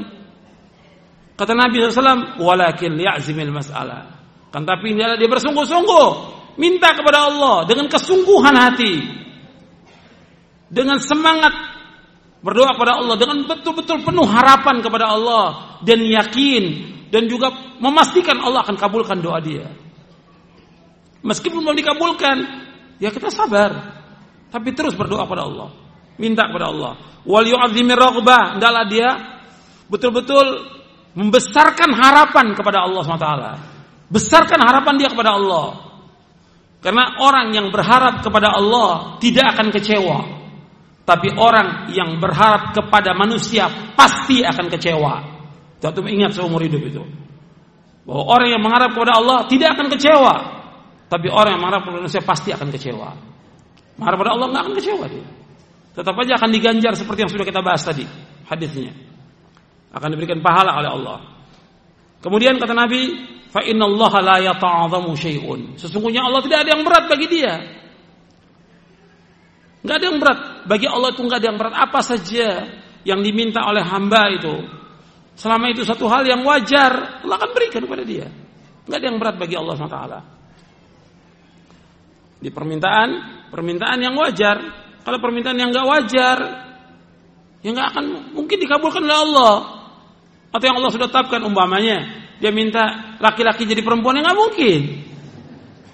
Atau dia ingin jadi nabi, nggak mungkin. Atau dia ingin hidup selama lamanya, nggak mungkin. Jadi minta yang wajar dia minta kepada Allah Subhanahu Wa Taala. Makanya Nabi bersabda la yaqulan adukum Allahumma ighfirli in syi'ta Allahumma arhamni in syi'ta walakin liya'zimil mas'alah wal yu'azzimir raghbah fa inna Allah la yata'adhamu syai'un a'ta muttafaqun alaih Jika Rasulullah sallallahu alaihi wasallam janganlah seorang dari kamu mengatakan ya Allah ampun aku jika engkau kehendaki sayangilah aku jika engkau kehendaki tapi hendaklah dia dia azimil masalah wal yu'azzim raghbah. Dia minta sungguh-sungguh kepada Allah dan dia e, besarkan harapan kepada Allah. Karena tidak sesuatu yang yang yang berat bagi Allah. Dalam riwayat yang lain fa innahu la mustaqriha. Dalam riwayat yang lain disebutkan dalam riwayat Bukhari bahwa tidak ada yang memaksa Allah SWT. Tidak ada yang bisa memaksa Allah SWT. Makanya kita minta kepada Allah Subhanahu wa taala dengan penuh harapan. Yang keenam, yang keenam tajannubul isti'jal yaitu menjauhkan isti'jal, jangan terburu-buru. Jadi kalau berdoa itu jangan minta disegerakan. Isti'jal, sekarang minta, sekarang harus dikabulkan. Tidak boleh istijal. Kata Nabi SAW dalam hadis yang sahih dari sahabat Abu Hurairah radhiyallahu an, yustajabu li ahadikum ma lam ya'jal yaqul da'autu falam yustajab li. Dari Abu Hurairah radhiyallahu an ia berkata Rasulullah bersabda dikabulkan doa seorang dari kamu selama dia tidak minta disegerakan. Dia mengatakan, "Ya Allah, aku sudah berdoa, tapi kok nggak dikabulkan doaku? Aku berdoa kok nggak dikabulkan?" Ini diriwayatkan oleh Imam Bukhari dan juga Muslim. Di dalam riwayat yang lain disebutkan dari sahabat Abu Hurairah juga dalam riwayat Muslim dan juga Bukhari dalam kitabnya Al-Adab Mufrad Nabi bersabda, "La yazalu yustajabu lil abdi ma lam yad'u bi ithmin aw qati'ati rahimin. Ma lam yasta'jil qila ya Rasulullah mal isti'jal? Qala yaqulu qad da'awtu wa qad da'awtu falam ara yastajibu li. Fayastahsir inda dzalik wa yad'u du'a. Dari Abu Hurairah radhiyallahu anhu ia berkata telah bersabda Rasulullah SAW, tetaplah seorang hamba dikabulkan doanya selama dia tidak berdoa untuk berbuat dosa dan memutuskan silaturahim. Dan selama dia tidak minta disegerakan, tidak terburu-buru. Ada yang bertanya Rasulullah, apa yang dimaksud dengan istijal? Nabi menjawab, yaitu orang itu berkata, aku sudah berdoa, aku sudah berdoa, tapi aku melihat belum dikabulkan doaku. Sehingga dia sedih. Dia mengurungkan lagi untuk berdoa. Fayada'u doa ditinggalkan doa itu. Jadi orang itu mengatakan saya sudah berdoa, belum dikabulkan. Saya berdoa, belum dikabulkan. Maka sejak itu dia tinggalkan doanya. Ini orang-orang yang istijal. Ya dengan dia ber, tidak berdoa kepada Allah, ya rugi dia dan termasuk orang-orang yang sombong. Dan Allah akan marah dan murka kepada dia dengan dia tidak berdoa. Makanya terus berdoa meskipun belum dikabulkan, doa terus. Terus berdoa. Yang ketujuh, doa bil khair. Doa dengan kebaikan. Ya, kalau kita minta kepada Allah kebaikan, maka Allah akan kabulkan doa itu. Selama doa bukan minta perbuatan maksiat atau bukan untuk memutuskan silaturahim. Dan hadisnya sudah kita bawakan tadi riwayat Muslim itu. Kemudian yang kedelapan, doa dengan apa yang disyariatkan. Itu doa dengan apa yang disyariatkan. Jadi doa-doa yang disyariatkan yang sesuai dengan syariat Nabi Muhammad SAW ini hampir sama dengan tadi yaitu ittiba. Kemudian yang kesembilan, itabatul ma'kal wal mashrab. Yaitu baiknya makan dan minum. Sebab di antara e, terhalangnya doa dengan sebab makan yang haram, minum yang haram. Kemudian diberikan uang dari yang haram atau yang syubhat yang enggak jelas. Sebab Nabi SAW bersabda dalam hadis yang sahih, Inna Allah Taala tayyibun la yakbalu illa tayyiba. Kemudian Nabi membacakan ayat dalam surah Al-Mu'min dan juga surah Al-Baqarah. Kemudian Nabi menyebutkan tentang seorang ثم ذكر الرجل يطيل السفر أشعث أغبر يمد يديه إلى السماء يا رب يا رب ومطعمه حرام ومشربه حرام وملبسه حرام وغذي بالحرام فأنا يستجاب له Setelah Nabi membawakan ayat, Nabi menyebut tentang seorang yang safar, rambutnya kusut, berdebu, dia tadahkan tangannya ke langit, wahai Rabbku, wahai Rabbku. Kata Nabi Muhammad SAW, makanannya haram, minumannya dari yang haram, pakaian dari yang haram, dan dia diberikan segala sesuatu dari yang haram, maka bagaimana akan dikabulkan doanya? Jadi makan yang halal itu juga termasuk jalan untuk dikabulkan doa. Ketika orang makan yang haram, uangnya nggak jelas, dia hidupnya tiap hari nggak jelas uangnya. Yang dari yang haram, ngambil hak orang lain, atau suap menyuap, sogok menyogok, atau yang lain. Bagaimana akan dikabulkan doanya oleh Allah? Jadi masalah dari mana uang itu itu akan ditanya oleh Allah nanti pada hari kiamat. Dan kalau orang makan yang haram, bukan doanya saja tidak dikabulkan, bahkan juga dagingnya itu akan kena kepada api neraka. Makanya hati-hati. Barang siapa yang dagingnya tumbuh dari yang haram, neraka yang lebih bagi dia.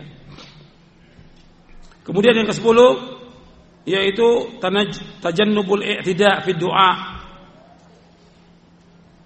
meninggalkan atau menjauhkan berlebihan dalam berdoa. Berlebihan dalam berdoa. Allah Subhanahu wa taala berfirman, "Ud'u rabbakum tadarruan wa khufyatan, innahu la yuhibbul mu'tadin." Berdoalah kepada Allah dengan tadarru' dengan merendahkan hati kita kepada Allah, merendahkan diri kita kepada Allah wa khufyah jadi juga dengan sembunyi dengan suara yang perlahan. Innahu la yuhibbul mu'tadin. Sesungguhnya Allah tidak suka kepada orang-orang yang melewati batas. Di dalam surah Al-A'raf ayat 55. Nabi juga menyebutkan nanti akan ada orang-orang yang mereka berlebihan dalam berdoa dan juga mereka berlebihan dalam bersuci. Dan mereka berlebihan dalam berdoa seperti orang berdoa dia minta surga. Kemudian doanya betul, minta surga betul, cuma dirinci oleh dia. Ini berlebihan. Minta rumah yang bagus, bidadari yang cantik, minta ini, terus dirinci oleh dia. Ini namanya tidak fit doa. Seperti orang yang juga dia berlindung pada Allah dari api neraka. Dia minta pada Allah berlindung dari api neraka, minta juga dari dijauhkan dari cairan yang panas dan segala macam. Jadi berlebihan. Seperti orang yang berlindung kepada Allah dari azab kubur. Cukup dari azab kubur. Ini ditambah lagi berlindung dari apa? Dari cacingnya, dari binatang yang ada di dalam tanah. Enggak perlu. Ini tidak berdoa. Atau orang yang mengeraskan suaranya dengan keras ketika berdoa dengan suara yang sangat keras. Ini tidak berdoa. Melewati batas dalam berdoa. Atau meminta sesuatu yang mustahil ini juga termasuk tidak berlebihan dalam berdoa, melewati batas dalam berdoa. Seperti tadi saya sebutkan, orang minta umur panjang, ya sampai hari kiamat, ya mungkin. Atau dia minta kepada Allah swt. Kalau minta umur panjang dalam syariat boleh, dalam syariat boleh. Cuma tinggal dilihat maslahat atau tidak buat dia.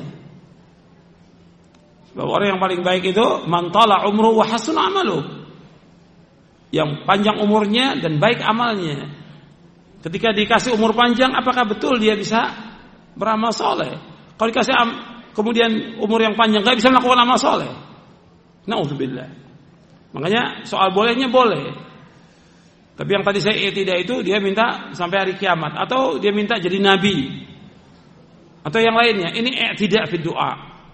Ini juga sebagai penghalang Artinya dia minta berdoa kepada Allah sesuatu yang mustahil.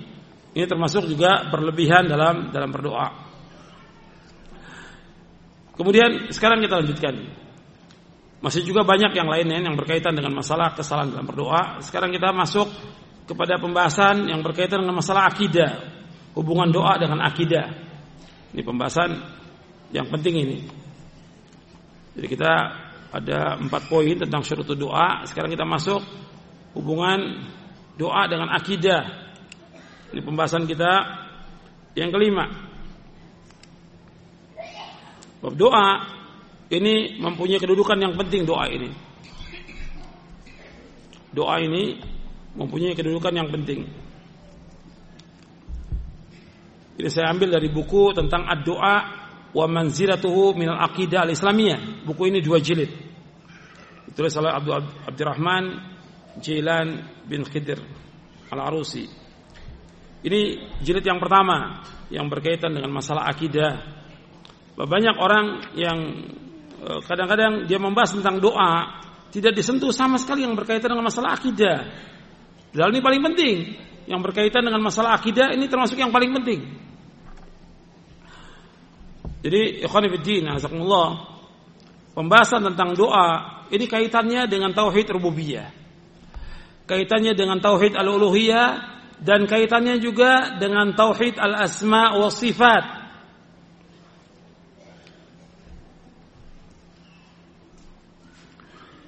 Jadi doa ini punya kaitan yang sangat penting dengan tauhid, dengan tauhid rububiyah, dengan tauhid uluhiyah, dengan tauhid asma wa sifat. Anda perhatikan orang-orang jahiliyah, orang-orang musyrikin, mereka berdoa tidak kepada Allah. Saya ulangi pertanyaannya. Orang-orang jahiliyah, antum jangan ngantuk. Dengarkan pertanyaan saya. Mungkin yang ngantuk saya suruh jawab nanti. Ya, orang-orang musyrikin, orang-orang jahiliyah, itu mereka berdoa tidak kepada Allah. Berdoa kepada Allah. Orang-orang jahiliyah musyrikin, mereka mengakui tentang adanya Allah, mereka mengakui tentang rububiyah Allah. Mereka mengakui bahwa Allah sebagai Khalik, sebagai Razik, sebagai Malik, sebagai Mudabbir, Muhyi, wa Mumit dan yang lainnya. Mereka mengakui. Bahkan ketika mereka mengalami kesulitan atau kesusahan, mereka berdoanya kepada Allah Taala. Seperti Allah sebutkan ketika mereka menaiki perahu diombang-ambingkan oleh ombak, mereka berdoa kepada Allah. Wa idza raqibu fil fulki da'u Allah mukhlishin lahu din, falamma najjahum minal barri idahum yusyrikun. Tatkala mereka menaiki perahu dan diombang-ambingkan oleh ombak, fa idza raqibu fil fulki Allah mukhlishin, mereka berdoa kepada Allah dengan ikhlas. Ini Allah cerita tentang kaum musyrikin. Mereka berdoa kepada Allah dengan ikhlas. Falamma najjahum ilal bar, tatkala kami selamatkan mereka ke daratan, idahum yusyrikun. Tiba-tiba mereka berbuat syirik kepada Allah. Jadi orang-orang jahiliyah mereka berbuat syirik kepada Allah di saat mereka mengalami kesenangan. Tapi ketika mereka susah, mereka berdoa kepada dengan ikhlas. Tapi sebagian kaum muslimin ini lebih jelek dari orang-orang jahiliyah. Di saat susah minta kepada kuburan, di saat senang datang kepada kuburan minta juga kepada mereka. Di saat susah datang ke kuburan minta. Gak punya anak datang ke kuburan kiai, kuburan habib, kuburan wali atau yang lain. Mereka datang supaya diberikan anak. Gak akan diberikan Allah yang memberikan. Ketika fakir minta supaya diberikan kekayaan. Ketika miskin demikian juga. Begitu juga ketika mereka mengalami penyakit. Ketika mereka senang sama juga mereka seperti itu. Tapi orang-orang jahiliyah ketika mereka senang mereka berbuat syirik kepada Allah, ketika mereka susah mereka berdoa kepada Allah SWT. Makanya ketika ada satu riwayat, sebagian ulama mengatakan riwayat ini ada kelemahannya.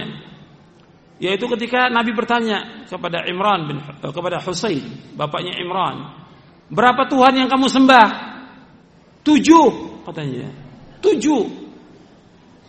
Di mana Tuhan kamu itu? Satu di langit enam di bumi satu di langit enam di bumi kemudian kata Nabi SAW ketika engkau mengalami kesulitan kesusahan kepada yang mana kamu berdoa kepada yang di atas Kata Nabi, ya Hussein, apakah cukup dengan satu saja? Cukup dengan satu saja engkau berdoa kepada Allah. Akhirnya Hussein musyawarah dengan keluarganya, masuk Islam dia. Masuk Islam. Artinya menunjukkan bahwa hati ini tetap semuanya tergantung kepada Allah Subhanahu wa taala dan ini fitrah. Ini fitrah. Maka kita kembali kepada tentang uh, masalah hubungannya dengan tauhid ar-rububiyah. Allah menyebutkan juga dalam surah An-Naml amma yujibul mutarra idza da'ahu wa yakshifu as-su'a wa yaj'alukum khulafa al-ard a Allah qalilan ma tadhakkarun Siapakah yang menjawab doa ketika orang mengalami kesulitan ketika dia berdoa dan menghilangkan kesusahan dan kejelekan dan menjadikan kalian yaitu khalifah di muka bumi. Apakah ada Tuhan bersama Allah? Apakah ada Tuhan yang lain bersama Allah? Sedikit sekali kalian ingat. Ini dalam surah An-Naml ayat 62 ini kaitannya dengan rububiyah diakui oleh orang-orang musyrikin. Begitu juga kaitannya dengan al-uluhiyah karena kita wajib berdoa hanya kepada Allah. Tidak boleh kepada yang lain. Orang-orang musyrikin ketika diajak mereka untuk beribadah hanya kepada Allah saja tidak mau mereka. Tidak mau. Makanya keyakinan seseorang tentang rububiyahnya Allah tidak memasukkan mereka ke dalam Islam keyakinan mereka kepada rububiyah Allah tidak memasukkan mereka ke dalam Islam sampai mereka mengucapkan dua kalimat syahadat dan mereka tujukan seluruh bentuk ibadah itu hanya kepada Allah. Qul inna salati wa nusuki wa mahyaya wa mamati lillahi rabbil alamin la syarika lahu wa bidzalika umirtu wa ana awwalul muslimin. Sesungguhnya salatku, ibadahku, hidupku dan matiku semata-mata karena Allah Alamin. Tidak sekutu bagi Allah. Demikian aku diperintah dan aku yang pertama Islam. Juga ayat iya karena abudu wa iya karena stain hanya kepada Engkau saja ya Allah kami beribadah dan hanya kepada Engkau saja ya Allah kami minta tolong. Hanya kepada Allah beribadah dan hanya kepada Allah minta tolong. Dan seluruh bentuk ibadah kita itu harus kita tujukan kepada Allah. Makanya ketika ada orang yang beribadah kepada selain Allah, berdoa kepada Allah, Allah itu murka. Sangat murka Allah. Karena yang berhak diibadahi itu hanya Allah SWT. Dan ini kaitan dengan ibadah kepada Allah nanti saya akan sebutkan lagi tentang tauhid ibadah ini. Yang sebagian kaum muslimin mereka berdoa kepada selain Allah. Dan Allah ini sangat murka kepada orang-orang yang berdoa kepada selain Allah. Seperti Allah sebutkan dalam surah Al-Anbiya ayat 66 67. Allah berfirman, "Qala afata'buduna min dunillahi ma la yanfa'ukum syai'a wa la yadurrukum? Uffil lakum wa lima ta'buduna min dunillah afala ta'qilun?" Ibrahim alaihissalam berkata kepada kaumnya, Apakah kalian beribadah kepada selain Allah, berdoa kepada selain Allah yang tidak bisa memberikan manfaat kepada kalian sedikit pun juga dan tidak juga menolak bahaya dari kalian. Ufil lakum celaka kalian. Celaka kalian. Kenapa kalian beribadah dan berdoa kepada selain Allah? Afala ta'qilun? Apakah kalian tidak berpikir? Diajak berpikir oleh Nabi Ibrahim alaihissalam. Ini patung-patung nggak bisa mendengar, nggak bisa menjawab, nggak bisa melihat, nggak bisa memenuhi apa pun juga. Kenapa kalian berdoa kepada mereka? Sama dengan kubur-kubur juga, seperti itu, nggak bisa menjawab. Dan ini orang-orang yang demikian dimasukkan kepada orang-orang yang sesat. Seperti Allah sebutkan dalam surah Al-Hajj ayat 12, yad'u min dunillah ma la yadurru wa ma la yanfa'u, dzalika huwa dhalalul ba'id. Yang mereka berdoa kepada selain Allah, nggak bisa membahayakan mereka dan tidak bermanfaat buat mereka. Yang demikian adalah kesesatan yang sangat jauh. Makanya kita berdoa itu hanya kepada Allah saja, tidak kepada yang lain. Makanya disebutkan oleh Allah SWT wa qala rabbukum ud'uni astajib lakum tidak kepada yang lainnya dan juga Allah menyebutkan bahwa Allah itu dekat mengabulkan semua doa makanya kita tidak dengan suara yang keras dalam kita berdoa kepada Allah. Allah dekat. Makanya hubungan dengan asma sifat Allah itu qarib, dekat. Wa idza salaka ibadi anni fa inni qarib. Apabila hamba-hambaku bertanya kepadaku, apabila hamba-hambaku bertanya kepadamu tentang aku, katakan aku dekat. Uji buta, uji buda wa tadai dadaan, falyastajibu li wa bila alam rasyudun. Jadi Allah menyebutkan apabila hambaku bertanya tentang aku, katakan aku dekat. Uji buta dadaan. Aku menjawab orang yang berdoa. Uji buddha wa tadai dadaan. Falyastajibuli. Dalam penuhi panggilanku. Wali minubi beriman padaku agar mereka mendapatkan pimpinan, mendapatkan petunjuk. Nah, hubungannya dengan asma wa sifat tadi Allah dekat. Hubungan dengan asma wa sifat bahwa orang yang berdoa mesti hatinya itu ke mana? Ketika orang berdoa, siapa saja anak kecil, orang dewasa, orang muslim, orang kafir ketika berdoa hatinya ke mana? Ke langit, ke atas. Menunjukkan bahwa Allah sama. Jadi doa ada kaitannya dengan asma wa sifat. Bahwa Allah berada di atas arsh. Bukan di mana-mana. Maka sesat orang mengatakan bahwa Allah itu di mana-mana. Dia nggak kenal dengan Allah. Allah yang mengatakan bahwa Allah di atas. Amin tu sama Apakah kalian merasa aman dengan yang di langit? Allah berfirman, "Sabbihisma rabbikal a'la." Sucikan Allah yang maha tinggi. Ketika kita sujud kita baca subhana rabbil a'la, suci Allah yang maha tinggi, Allah di atas. Ketika orang berdoa, maka hatinya ke langit. Makanya punya hubungan yang sangat erat dengan asma wa sifat. Begitu juga mengisbatkan menetapkan tetap sami Allah itu maha mendengar Allah itu qarib Allah itu dekat Allah itu basir, Allah maha melihat. Dan yang lainnya. Allah itu maha penyayang. Jadi semuanya kaitan asma wa sifat masuk dalam doa. Ini hubungan yang sangat erat.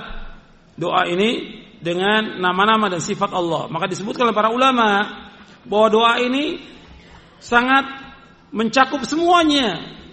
Ibadah-ibadah itu kaitannya dengan doa ini luar biasa. Artinya semua bentuk-bentuk ibadah itu ada terdapat dalam dalam doa. Jadi ibadah-ibadah yang lain, jadi bukan hanya kaitan dengan asma wa sifat, tapi bentuk ibadah pun semua ada tercakup dalam doa. Tawakal kita ada dalam kita berdoa kepada Allah SWT. Takut ada dalam kita berdoa kepada Allah. Roja mengharap ada juga dalam kita berdoa kepada Allah SWT. Kemudian juga mengagungkan Allah ada dalam kita berdoa. Mencintai Allah ada dalam kita berdoa. Itu semuanya ada. Semua bentuk-bentuk ibadah ada dalam doa. Makanya kaitan doa dengan rububiyah, uluhiyah, asma wa sifat dan juga dengan kaitan ibadah itu sendiri sangat luas. Doa itu. Makanya kalau kita bicara tentang masalah doa, ini juga bantahan kepada orang-orang yang masih mengingkari tentang asma atau mentakwilkan nama dan sifat Allah. Kita bisa kaitkan dengan doa. Makanya ketika ada orang yang mengingkari tentang Allah itu di langit, maka ditanya, ketika orang berdoa, hatinya menghadap ke mana? Ke langit semuanya. Semuanya. Ketika dia berdoa, hatinya itu ke langit. Maka ini kaitan dengan asma wa sifat sangat sangat erat dengan nama-nama dan sifat-sifat Allah Subhanahu wa taala. Kemudian juga di antara keutamaan doa, doa ini bermanfaat ya, dunia dan akhirat. Kemudian juga doa sangat bermanfaat juga ketika ada orang meninggal maka dibutuhkan doa orang yang meninggal itu butuh doa maka dianjurkan kita menyolatkan jenazah untuk mengikhlaskan doa kepada si mayit kalau 40 orang atau 100 orang berdoa yang tidak berbuat syirik dikabulkan doanya oleh Allah untuk si mayat itu makanya ketika kita menyolatkan jenazah usahakan yang menyolatkan itu yang terbanyak semakin banyak semakin bagus tapi dengan ketentuan mereka tidak berbuat syirik kepada Allah Subhanahu wa taala. Dan juga dalam berdoa itu mengandung kehadiran hati kita. Dalam berdoa juga ketundukan hati kita, kehinaan diri kita kepada Allah SWT dan yang lainnya. Jadi tentang doa ini luar biasa kedudukannya dan hubungannya erat dengan uh, akidah. Kemudian kita bahas tentang uh, ancaman atau larangan kita berdoa kepada selain Allah. Ancaman dan larangan kita berdoa kepada selain Allah.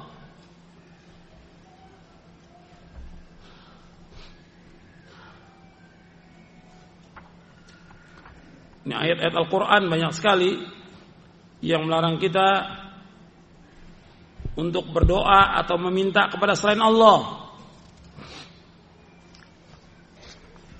Saya akan sebutkan beberapa ayat bahwa Allah SWT melarang kita untuk berdoa kepada selain Allah.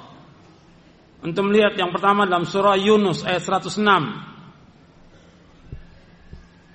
Di dalam surah Yunus ayat 106 Allah berfirman, "Wala tad'u min dunillahi ma la yanfa'uka wa la yadhurruk. Fa in fa'alta fa innaka idzan minadh dhalimin." Jangan kalian berdoa kepada selain Allah yang tidak bisa memberikan manfaat kepadamu dan tidak bisa membahayakanmu. Kalau engkau lakukan juga maka engkau termasuk orang-orang yang zalim. Ayat ini sebagai tahdir tentang larangan kita berdoa kepada selain Allah. Allah juga berfirman dalam surah Asy-Syu'ara ayat 213. Dalam surah Asy-Syu'ara ayat 213, "Fala tad'u ma'allahi ilahan akhar fatakuna minal mu'adzabin. Janganlah kalian berdoa bersama Allah dengan Tuhan yang lain, maka kalian termasuk orang-orang yang disiksa, yang diazab. Allah juga berfirman dalam surah Al-Qasas ayat 88. Wala tad'u Allah ilahan akhar la ilaha illahu kullu syai'in halikun illa wajhah lahul hukmu wa ilaihi turja'un. Dan jangan kalian berdoa bersama Allah kepada Tuhan yang lain tidak ada ilah yang berhak diibadahi melainkan hanya Allah. Segala sesuatu pasti akan binasa. Kecuali Allah SWT. Dan bagi Allah semua hukum dan kepadanya akan dikembalikan. Dan juga ayat yang saya, saya sebutkan dalam surah Jin ayat 18, wa annal masajid lillahi fala tad'u ma'allahi ahada. Allah juga berfirman di dalam surah Ghafir ayat 65, wal hayyu La ilaha illahu fad'uhu mukhlishin lahuddin. Alhamdulillahi rabbil alamin. Allah yang maha hidup, tidak ada ilah yang berhak diberikan hanya Allah. Berdoalah hanya kepada Allah dengan ikhlas karena agamanya. Segala puji bagi Allah Rabbul Alamin. Kemudian orang-orang yang berdoa kepada selain Allah, mereka ini nggak bisa menjawab.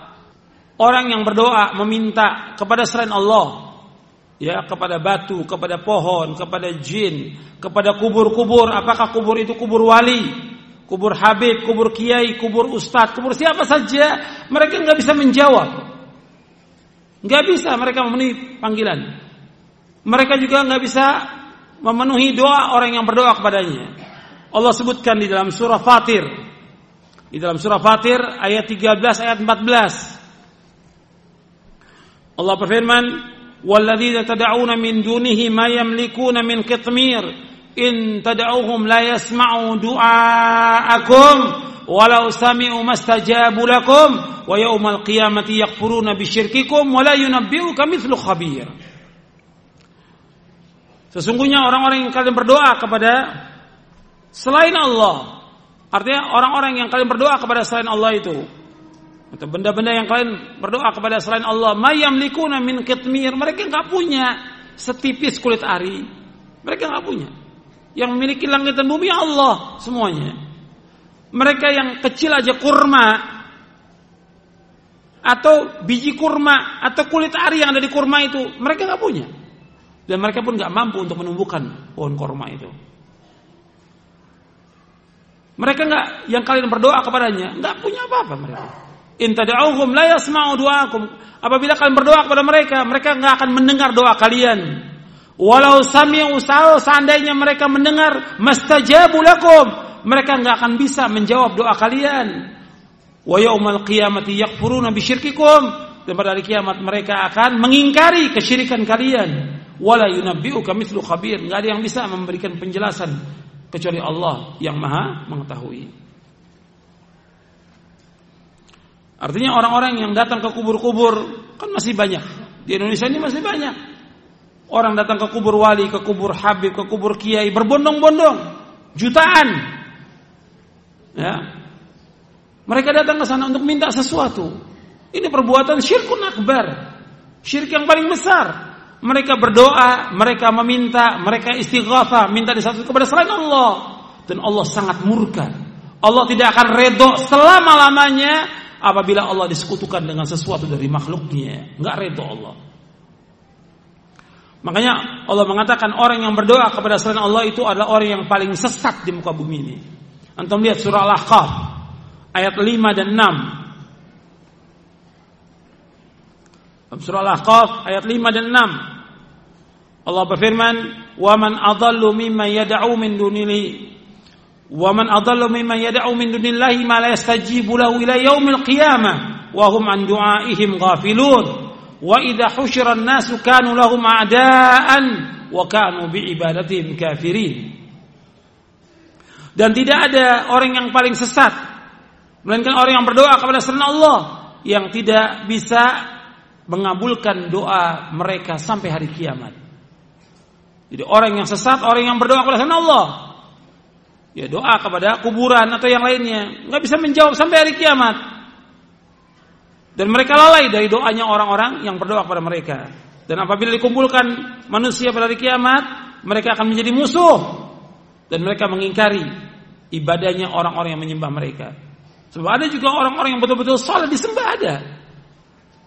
Di antara sahabat atau nabi atau juga orang-orang yang soleh dari para imam mujtahidin yang disembah ada. Yang datangi kuburannya orang berbondong-bondong sana minta. Ini perbuatan syirkun akbar. Dan nanti mereka akan jadi musuh. Memusuhi orang-orang yang berdoa kepadanya. Karena mereka tidak mau untuk disembah kemudian ikhwan fillah mereka juga nggak bisa menghilangkan bahaya sama sekali. Allah sebutkan dalam surah Az-Zumar ayat 38. Surah Az-Zumar ayat 38 Allah berfirman, "Qul afara'aitum ma tad'una min dunillahi in aradani Allah bidurrin hal hunna kashifatu durri aw aradani bi rahmatin hal hunna mumsikatu rahmati?" Qul hasbiyallah alaihi yatawakkalul mutawakkilun. Katakanlah, kabarkanlah kepadaku apa yang kalian seru, yang kalian berdoa kepada selain Allah.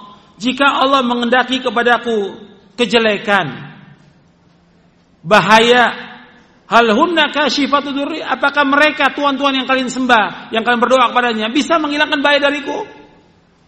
Sekarang ada orang berdoa minta kepada penghuni kubur. Apakah ketika kita kena bahaya mereka bisa menghilangkan? Tidak mungkin.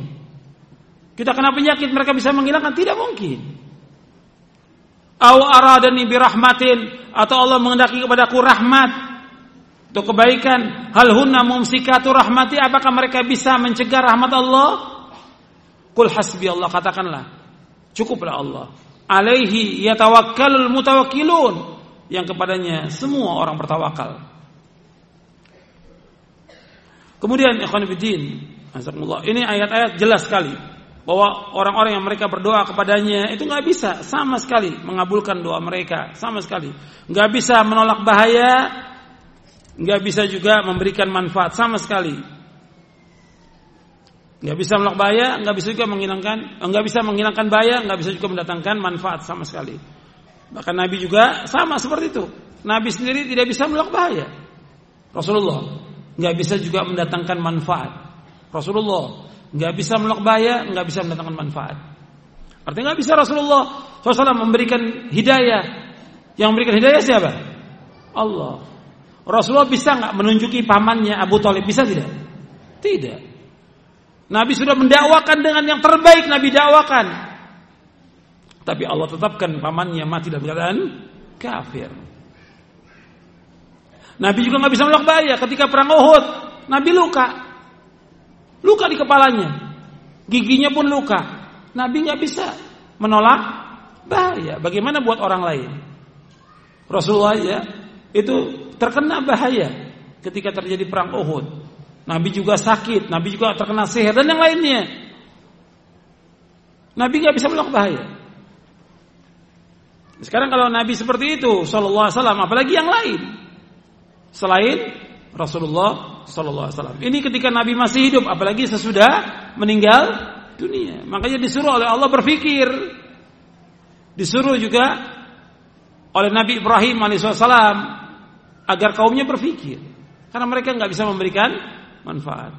Kemudian ikhwan fillah, ini e, kesyirikan ini doa yang orang berdoa kepada selain Allah. Ini fenomena yang kita lihat dan dianggap biasa di masyarakat dianggap biasa. Dan sedikit orang-orang yang mengingatkan.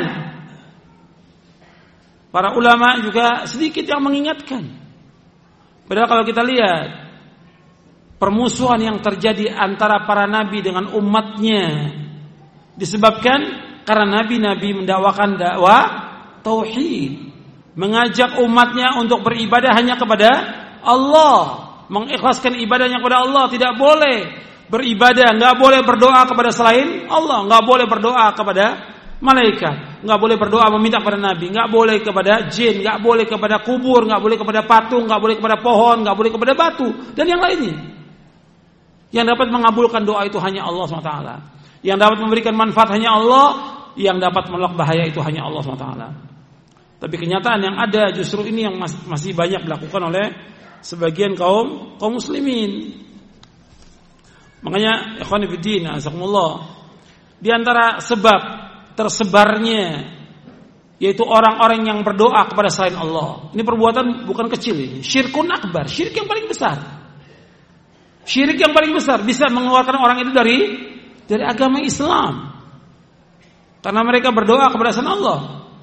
Makanya Allah menyebutkan orang yang berdoa atau beribadah kepada selain Allah, maka disebutkan oleh Allah kafir. Wa may yad'u min dunillahi ma la yastajibu lahu ila yaumil qiyamah. Uh. Wa may yad'u ma Allah ilan akhar la burhana lahu bi fa inna ma hisabu inda rabbi innahu la yuflihul kafirun. Wa may yad'u ma Allah ilahan akhar. Barang siapa yang berdoa beribadah kepada Tuhan yang lain, la burhan bihi. Tidak ada keterangan baginya. Fa inna ma hisabu inda rabbi. Hisabnya di sisi Allah. Innahu la yuflihul kafirun sesungguhnya tidak akan bahagia orang-orang kafir. Artinya Allah tegas menyebutkan dalam ayat ini orang yang berdoa dan beribadah kepada selain Allah kufur. Allah yang mengatakan demikian dalam Al-Quran. Allah yang mengatakan demikian dalam surah Al-Mu'minun. Ya, dua ayat menjelang akhir dalam surah Al-Mu'minun. Kemudian sebab tersebarnya doa kepada selain Allah ini, yang pertama di antara sebabnya yaitu kebodohan dan berpaling manusia dari Quran dan Sunnah menurut pemahaman salafus saleh. Ini pembahasan kita yang terakhir ini. Di antara sebab tersebarnya doa orang berdoa kepada selain Allah di antara sebab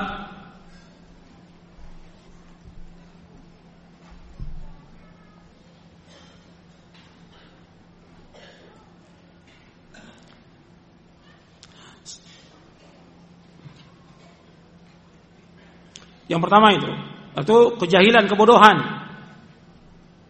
Terhadap Al-Quran, Sunnah dan pemahaman salafus saleh. Yang kedua, karena syubhat yang ada. Mereka mempunyai syubhat, mereka bawakan dalil ayat yang mereka nggak lihat lagi tafsirnya. Tentang bolehnya tawasul atau mereka katakan syafaat atau mereka para wali itu punya kedudukan yang tinggi di sisi Allah. Ini syubhat semuanya dan itu bisa dijelaskan satu persatu. Tapi nggak mungkin saya jelaskan di sini satu persatu, panjang penjelasannya. Nggak bisa tawasul dengan orang yang sudah mati nggak bisa. Dan gak ada contoh dari Rasulullah SAW dan dari sahabat. Tawasul kepada orang yang hidup, orang saleh yang masih hidup boleh. Seperti tawasulnya Umar radhiyallahu an kepada Abbas bin Abdul Muthalib radhiyallahu anhu. Ketika ketika Umar eh, terjadi pacaklik di zaman Umar. Umar minta kepada Abbas radhiyallahu anhu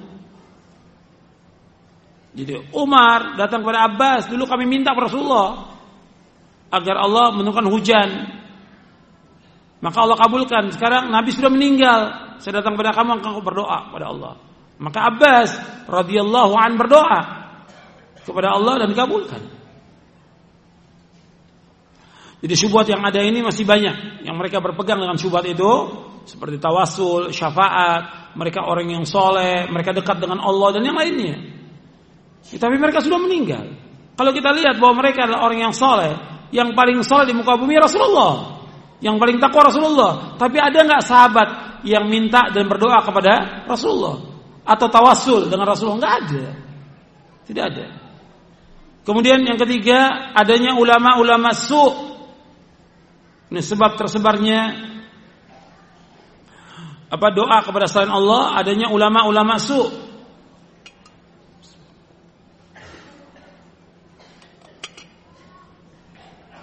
ulama-ulama yang sesat. Dan ini juga awalnya, awalnya juga dari mereka adanya firqah yang sesat. Makanya kalau kita lihat kuburan-kuburan yang dibangun, yang disembah di muka bumi ini, yang punya andil besar terhadap kuburan-kuburan yang dibangun dan disembah ini dua kelompok yang sesat. Yang pertama adalah tarekat sufiyah, yang kedua syiah. Karena yang pertama kali membangun kubur-kubur, dibangun dan disembah dua kelompok ini. Yang dua kelompok ini kelompok yang sesat dan menyesatkan. Sebagaimana disebutkan oleh para ulama dalam kitab-kitab mereka. Yang pertama syiah. Kalau mereka membangun kubur-kubur tokoh-tokohnya, imamnya, dan mereka sembah. Juga Tarekat Sufiyah. Mereka bangun syekhnya atau tokohnya atau yang dianggap oleh mereka sebagai wali kemudian didatangi. Bahkan syekhnya atau walinya pun yang dianggap oleh mereka wali berpesan, kalau kamu ada hajat, ada keperluan kepadaku dan aku sudah meninggal, datangi kuburku kata mereka. Dan itu pesan mereka ada dalam kitab-kitab mereka. Ada dalam kitab-kitab mereka. Kitab-kitab tarekat sufiyah. Ini juga dua kelompok yang sesat dan menyesatkan ini punya pengaruh yang besar. Syiah dan Tarekat Sufia ini luar biasa. Dan di Indonesia ini pesat. Ya, dua kelompok yang sesat ini. Makanya mesti ada orang yang mendakwakan. Atau tokoh-tokohnya ya ulama su yang membiarkan orang adanya ulama-ulama su yang mereka membiarkan bahkan mengajak orang untuk ziarah kubur, meminta kepada orang yang sudah mati. Cuma alasannya bukan minta. Alasan mereka ziarah ke kubur orang yang soleh supaya kita barokah atau yang lainnya. Pokoknya kalimat-kalimat yang bagus dan indah yang kemudian orang ikut. Sampai sana mereka minta. Ada yang tawaf di sana, ada yang sujud, ada juga yang dia seperti nggak mungkin dilakukan ketika melainkan hanya kepada Allah dengan khusyuk minta di dalam kuburan sampai menangis dan yang lainnya. Ini syirkun akbar. Perbuatan syirik yang besar yang masih dilakukan oleh sebagian kaum muslimin. Makanya kalau kita lihat tentang bid'ah bid'ah kubur itu ratusan bid'ah paling banyak. Seperti disebutkan oleh Syekh Al-Albani rahimahullah dalam kitabnya Ahkamul Janaiz. Yang paling besar ini berdoa kepada selain Allah. Tapi adanya ini ulama-ulama su, ulama-ulama yang jahat ini yang membiarkan. Dan Nabi paling khawatir kepada umatnya adanya aimah. Pemimpin yang sesat. Kata Nabi, "Inna akhwafa ma akhafu ala ummati ala imatal mudillin." Sesungguhnya yang paling aku takuti atas umatku yaitu para pemimpin yang menyesatkan. Ulama-ulama su, tokoh-tokoh alul bid'ah. Ini hadis diriwayatkan oleh Imam Tirmidzi dan Abu Daud. Jadi Nabi paling khawatir adanya ulama su dan ini terjadi seperti ini. Kemudian yang keempat yaitu taklid. Taklid buta kepada nenek moyang dan terkait juga dengan adat istiadat. Maka antum bisa lihat ya di mana-mana sekarang tempat-tempat yang jelas itu membawa kepada kesyirikan dinamakan oleh mereka apa? Wisata religi. Jadi wisata tempat wisata keagamaan. Supaya orang menjalankan uh, apa wisata di tempat itu sambil beribadah kepada selain Allah. Dan ini ini bisa terjadi karena apa? Karena ada ulama yang su tadi. Di samping juga taklid akma, taklid buta, adanya ulama su, ulama su yang menganjurkan demikian. Ada tempat-tempat wisata memang ada pemasukan buat pemerintah, tapi ini nggak benar. Karena membiarkan orang berbuat syirik kepada Allah. Dosa besar yang paling besar, kemungkaran yang paling mungkar, kesesatan yang paling sesat, maksiat yang paling maksiat, berdoa dan beribadah kepada selain Allah. Maka Nabi nggak senang selama masih ada kubur yang disembah, Nabi nggak senang. Maka di akhir ayat Nabi mengatakan kepada Ali bin Abi Thalib, Ya Ali, la tada timthalan illa tamastaw wala qabran musyrifan illa sawaitahu. Dalam riwayat Muslim, wahai Ali, jangan kau biarkan patung dan kan kau hancurkan semua patung-patung itu. Jangan kau biarkan kubur yang dibangun, kamu ratakan semua kubur-kubur itu. Nabi nggak senang ada kubur yang dibangun. Hadis ini sahih diriwayatkan oleh Imam Muslim dalam sahihnya. Nabi nggak akan merasa senang kalau masih ada kuburan disembah, nggak senang Nabi. Makanya Nabi menyuruh Khalid bin Walid untuk menghancurkan patung-patung yang disembah. Lata, Uzza dan Manat. Hancurkan itu semuanya. Ketika Nabi sudah mencapai kekuatan sudah mencapai kekuatan dan patung-patung dihancurkan di Ka'bah setelah Fathu Mekah sudah punya kekuatan. Tapi kalau kita belum punya kekuatan, kita kondisi kita lemah. Maka kondisi lemah harus sabar. Kalau kondisi lemah harus sabar dan kita sampaikan kepada penguasa dengan cara yang baik agar kubur-kubur itu tidak dibangun atau tidak disembah. Itu yang kita mampu kita lakukan. Dan kita juga mengajak masyarakat ini dengan cara yang baik supaya mereka juga mengikuti pemahaman yang hak ini. Jadi yang keempat ini taklid kepada nenek moyang dan juga adat istiadat yang ada. Yang kelima yaitu gulu berlebihan terhadap orang soleh. Ini gulu ini yang telah membinasakan orang-orang sebelum kita. Gulu ini yang telah membinasakan orang-orang sebelum kita. Maka Nabi bersabda, "Iyyakum wal gulu wa fid din, fa inna ma ahlakana man kana al gulu fid din." Jauh diri kalian dari gulu dalam masalah agama. Sungguhnya binasa orang sebelum kalian dengan sebab gulu dalam masalah agama. Hadis ini sahih dari Imam Ahmad, Nasai, Ibnu dan yang lainnya. Kemudian yang keenam yaitu kaum muslimin terpengaruh dengan apa? Dengan agama-agama yang lain ya, dengan Nasrani, dengan Hindu, dengan Buddha dan yang lainnya terpengaruh. Ya, awalnya dibangun, awalnya kuburan-kuburan itu dibangun, awalnya asalnya dari Bani Israel, orang Yahudi dan Nasrani. Maka Nabi bersabda, "La'anallah, la'natullah ilal Yahudi wan Nasara ittakhadhu qubur anbiya'ihim masajid." Mudah-mudahan Allah laknat orang Yahudi Nasrani karena mereka menjadikan kubur nabi mereka sebagai tempat ibadah. Mereka bangun kuburan itu. Kemudian mereka beribadah. Makanya ini pengaruh dari agama yang lain. Yang ketujuh yaitu adanya tujuan duniawi. Tersebarnya berdoa kepada selain Allah ya karena tujuan duniawi. Orang mencari uang di situ. Proyek dari orang pemerintahnya juga ya kan proyek, dari ustadznya kiai juga proyek dia. Ziarah-ziarah juga proyek. Ini nggak boleh dalam Islam. Dunia itu ada arti apa? Ini mesti diingatkan juga kepada ustadz atau kiai. Uang yang antum ambil jutaan atau ratusan juta, hatta miliaran, nggak ada arti apa-apa di sisi Allah SWT. Perbuatan syirik ini akan diazab di dunia dan di akhirat oleh Allah SWT sepanjang masa. Dunia yang gak ada apa? Dunia ini lebih hina daripada bangkai kambing. Lebih hina. Makanya perlu diingatkan. Mereka paling dapat untung nggak seberapa dari cara-cara dan acara yang syirik dan bidah. Nggak seberapa mereka dapat uang gitu. Tapi dosa mereka telah menyesatkan kaum muslimin terus akan diazab oleh Allah SWT. Mereka menyesatkan kaum muslimin dan membuat orang ini kafir syirik kepada Allah dengan perbuatan mereka. Mereka biarkan nggak dijelaskan. Makanya kalau kita lihat ya orang yang paling sayang kepada umat ini Rasulullah. Maka Rasul terus menjelaskan kepada umatnya tentang tauhid dan syirik. Itu sayang kepada umatnya. Makanya kalau kita dibilang keras, kita nggak keras, justru kita jelaskan kepada umat yang tauhid tauhid yang syirik syirik supaya umat ini berhenti dari perbuatan syirik. Karena syirik dosa yang tidak terampuni, Allah nggak akan ampuni dosa berbuat syirik. Syirik ini akan menghapuskan seluruh amalnya.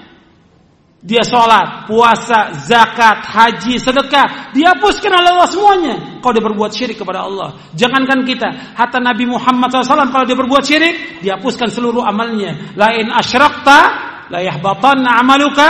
Walatakunanna minal khasir. Ada yang engkau muamal berbuat syirik. Akan dihapuskan semua amal kamu. Dan kau termasuk orang yang rugi dalam surah Az-Zumar surah 39 ayat 65 dihapuskan maka Nabi mengingatkan jangan sampai hapus amalnya. Dia sudah haji. Sudah puasa sedekah beribadah kepada selain Allah. Berdoa kepada kubur-kubur. Syirkun akbar menghapuskan seluruh amalnya. Makanya kalau kita sayang kepada umat jelaskan kepada mereka. Jangan sampai mereka berdoa dan meminta kepada selain Allah. Kemudian juga bahwa dengan mereka berdoa kepada selain Allah ini mempunyai kerusakan yang luar biasa. Kerusakannya yang merusak akidah mereka, merusak ibadah mereka. Kemudian juga mereka menyanyiakan Allah SWT yang telah menciptakan mereka, memberikan rezeki kepada mereka dan berdoa kepada selain Allah, penghinaan kepada diri mereka. Maka orang-orang yang berdoa dan meminta kepada selain Allah, dia hina dihinakan oleh Allah SWT di dunia dan juga nanti di akhirat. Anda perhatikan orang-orang yang berdoa kepada Allah secara akalnya nggak bisa diterima. Secara akal, bagi secara syar'i. Allah yang memiliki langit dan bumi mengabulkan semua doa, dia minta kepada orang yang sudah mati. Orang tanya akalnya di mana? Akal di mana? Bahkan kadang-kadang lebih jelek daripada itu dia minta kepada binatang. Ada tidak? Ada. Ada orang minta kepada Kiai Selamat. Kiai Selamat ini binatang atau manusia? Kerbau. Orang minta sampai kotorannya dipeperkan ke mukanya. Di mana akalnya? Di mana akalnya? Maka ini penghinaan kepada dirinya dan kepada agamanya. Masih banyak lagi yang lain.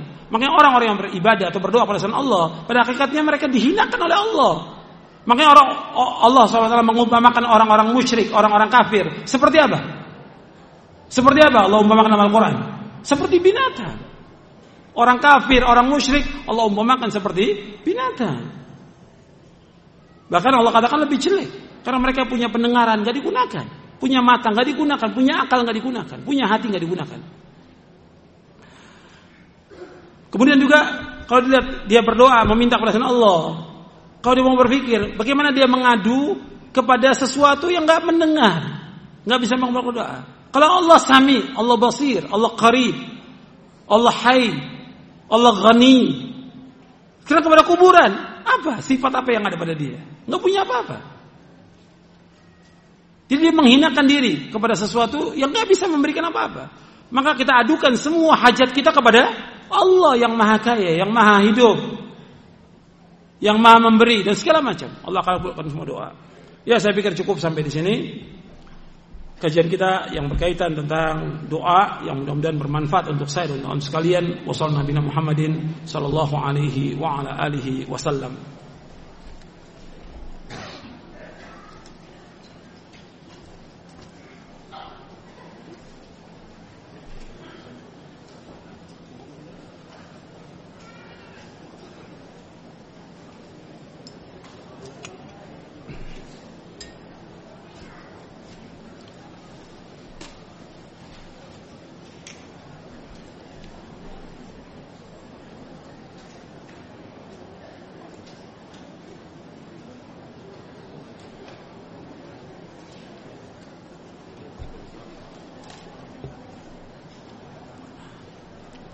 Ada beberapa pertanyaan yang yang masuk yang bisa saya jawab saya jawab yang tidak wallahu alam bisawab. Ada orang-orang yang berdoa kepada kuburan.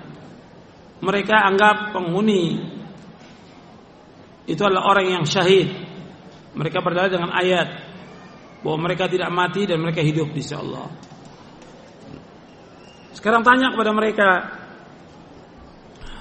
Yang pertama pertanyaannya, Apakah orang-orang yang meninggal itu termasuk syahid? Tidak semua orang meninggal masuk syahid.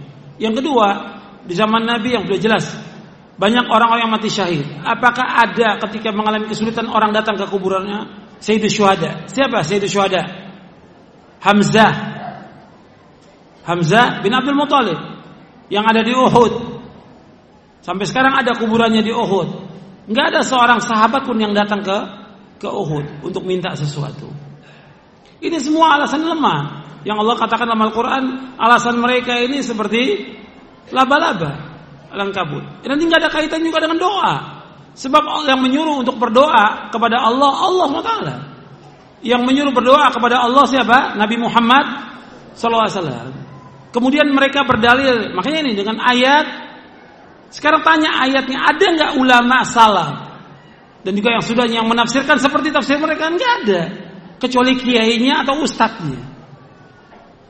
Ini semua dia nggak ada seorang ulama asal menafsirkan seperti itu dari ayat ini.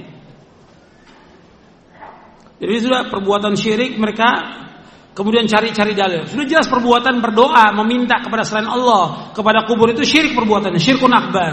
Maka mereka cari dalil untuk membenarkan perbuatan mereka. Dan itu kebiasaan daripada alul bidah seperti itu.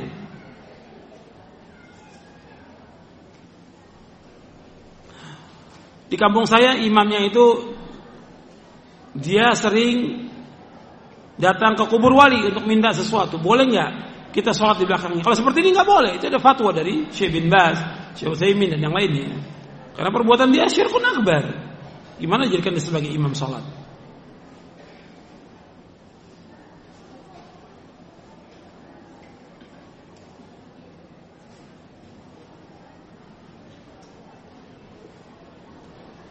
Ada pertanyaan yang tadi belum dibahas. Usahakan uh, satu kertas satu pertanyaan aja. Jangan sampai dua atau tiga. Yaitu apakah setiap berdoa kita wajib mengangkat tangan? Yang tadi belum dibahas. Setiap berdoa di antara adab berdoa yaitu mengangkat tangan. Adab. Tapi enggak setiap doa itu angkat tangan. Ketika sujud kita dianjurkan berdoa. Apa angkat tangan kalau sujud? Waktu duduk antara dua sujud kita juga berdoa. Rabbi ighfirli warhamni wajburni warfa'ni wahdini wa'afini warzuqni. Kita nggak angkat tangan. Waktu tasyahud akhir dan yang lainnya. Jadi nggak di antara ada berdoa ya kita angkat tangan tapi nggak semua tempat kita angkat angkat tangan.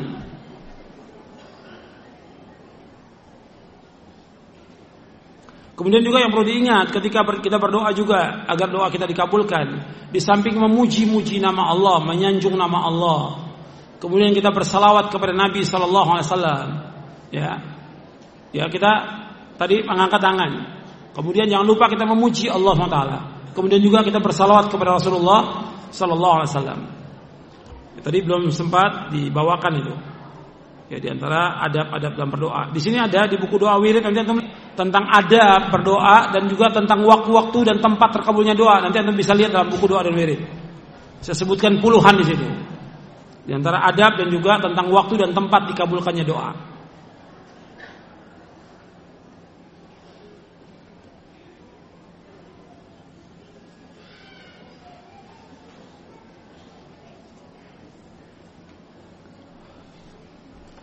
Setiap sujud dan sholat saya berdoa mohon kepada Allah untuk dijauhkan dari utang.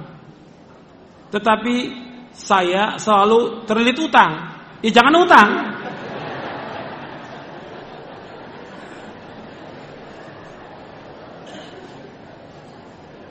Jadi ini pertanyaan orang yang sudah terlilit oleh hutang.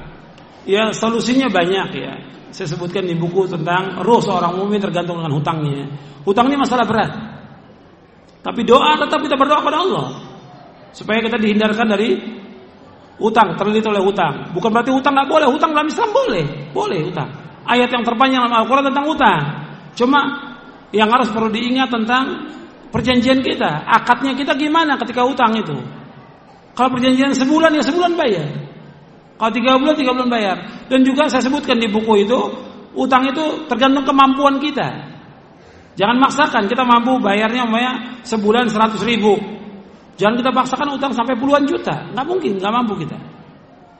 Jadi kita perhatikan dalam masalah utang itu jangan kita paksakan kehendak kita atau hawa nafsu kita untuk kadang-kadang juga untuk modal dagang atau yang lain. Kalau kecuali dalam kondisi-kondisi yang sulit ya, kita terpaksa utang. Umpamanya anak kita masuk rumah sakit atau istri kita mau melahirkan, yang kita nggak ada uang dan nggak ada yang dijual, terpaksa kita utang. Ah nanti kalau memang sudah terjadi demikian, ya mestinya orang-orang kaya itu bantu. Bisa dari uang zakat. Karena dia orang miskin nggak ada kemampuannya. Itu dibantu dari uang zakat. Makanya seperti ini bukannya kita memberitahu kepada orang lain tapi kita kasih tahu teman yang dekat dengan kita bagaimana solusinya. Yang paling penting yang antum ini munajat terus kepada Allah. Allah akan pasti memberikan jalan keluar. Dan sudah banyak yang mencoba dan terbukti. Artinya dia berdoa dan berdoa terus kepada Allah, dia melaksanakan ibadah menjauhkan maksiat, Allah berikan dia jalan keluar.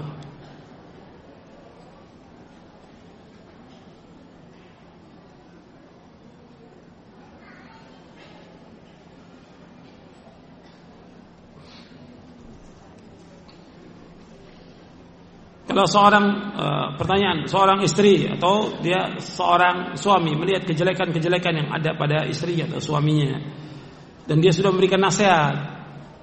Terus apa lagi yang lakukan? Ya doa. Sebab yang bisa untuk merubah tabiatnya dia adalah Allah SWT. Makanya ketika seorang menikah pertama kali, seorang suami meletakkan di ubun-ubun istrinya berdoa Allahumma inni as'aluka khairaha wa khaira ma jabata wa min syarriha wa syarri ma jabata. Ya Allah aku mohon kebaikannya. Aku minta kepada Engkau ya Allah kebaikan dari wanita ini dan kebaikan tabiat yang dia bawa. Aku berlindung pada engkau ya Allah dari kejelekan dan kejelekan tabiat yang dibawa. Jadi mintanya kepada Allah karena Allah memperbaiki dia.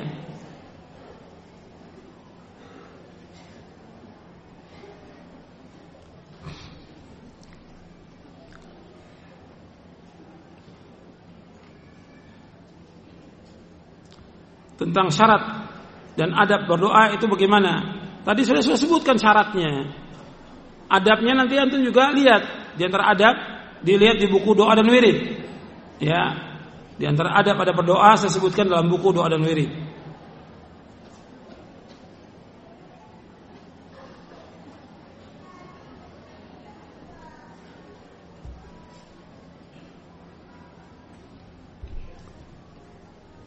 Bagaimana kalau kita berdoa dalam hati? Ya kalau berdoa kita lafadkan, kita ucapkan. Karena para nabi dan para rasul mereka berdoa, mereka lafadkan doanya. Bukan dalam hati, mereka lafazkan doanya. Jadi tidak terlalu keras.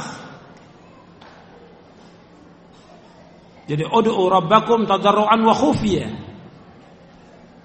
Jadi doa kepada Allah dengan tadarru, dengan merendah hati kita kepada Allah, merendahkan diri kepada Allah dan dengan suara yang perlahan, tetap bersuara.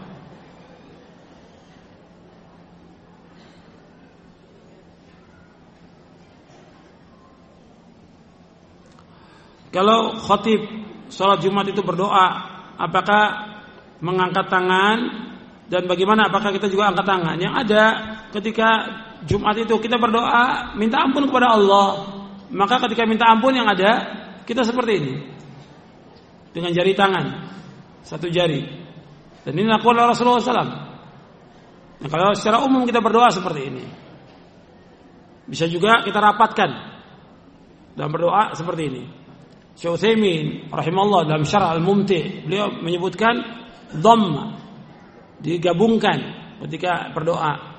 Sama juga Syekh Bakar Abu Zaid dalam kitabnya Tashihu Doa seperti ini. Kemudian kalau Jumat ya kita seperti ini. Dan juga mengangkatnya nggak lebih dari ini, sejajar. Yang di atas itu diangkat ke atas ketika sholat istisqa.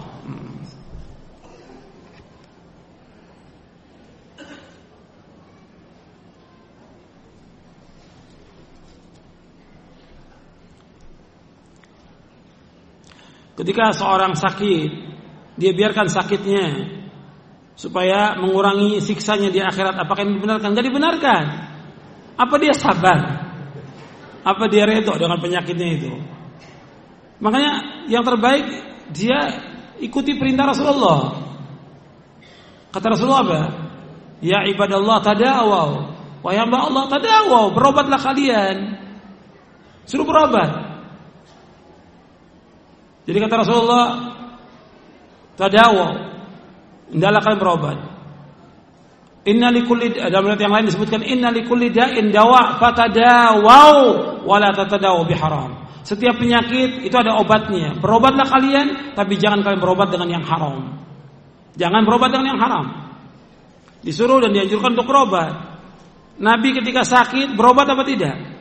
Berobat. Ketika Nabi terkena sihir diobati oleh malaikat. Diruqyah oleh malaikat. Ya tetap berobat.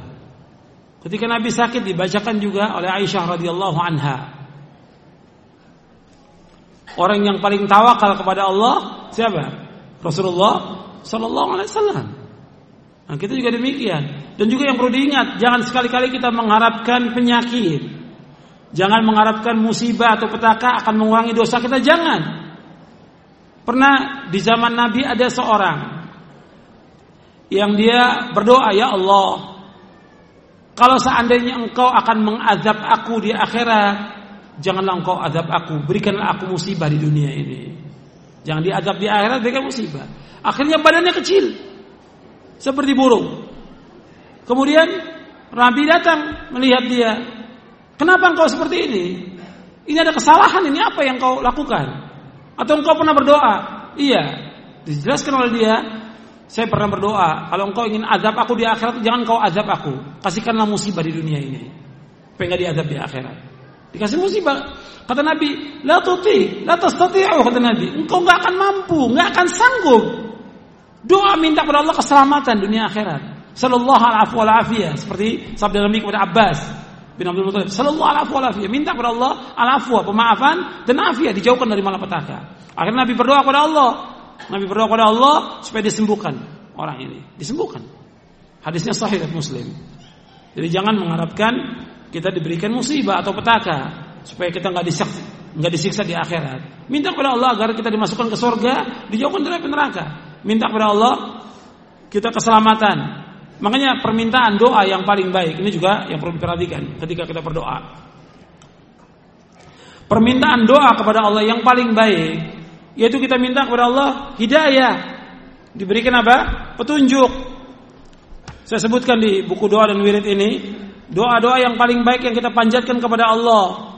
Sebab kadang-kadang kita berdoa, kita lupa. Kita tidak meminta yang terbaik. Ya kadang-kadang yang terbanyak yang manusia minta itu dunia. Yang terbanyak. Antum lihat di buku doa dan wirid di halaman 76 di halaman 76. Jadi doa paling penting yang paling baik kita berdoa ini juga untuk jamaah haji yang mau berangkat haji juga itu doa nanti di Arafah karena doa itu terkabul di Arafah. Al-Hajju Arafah. Ini doa yang seperti ini. Dibaca ini. Doa minta hidayah, petunjuk. Ditetapkan kita di atas hidayah di atas sunnah. Kemudian Yang kedua, mohon kepada Allah agar diampuni semua dosa kita. Minta diampunkan semua dosa.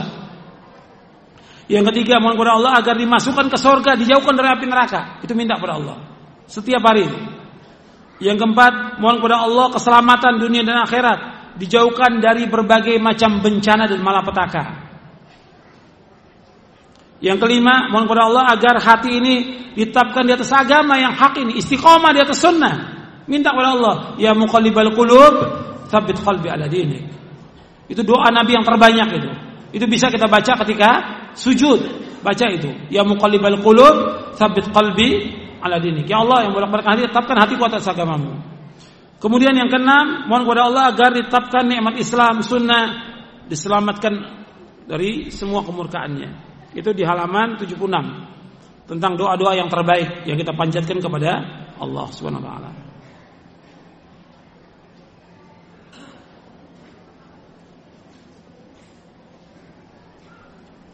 Apakah boleh seorang dia berdoa kepada Allah, dia diberikan anak laki-laki, dia ingin minta kepada Allah anak perempuan boleh. Boleh minta kepada Allah taala. Tidak ada sesuatu yang berat bagi Allah Subhanahu wa taala. Yang nggak boleh, yang nggak boleh, dia minta anak tapi nggak nikah. Itu yang nggak boleh. Minta anak padahal tapi nggak nikah.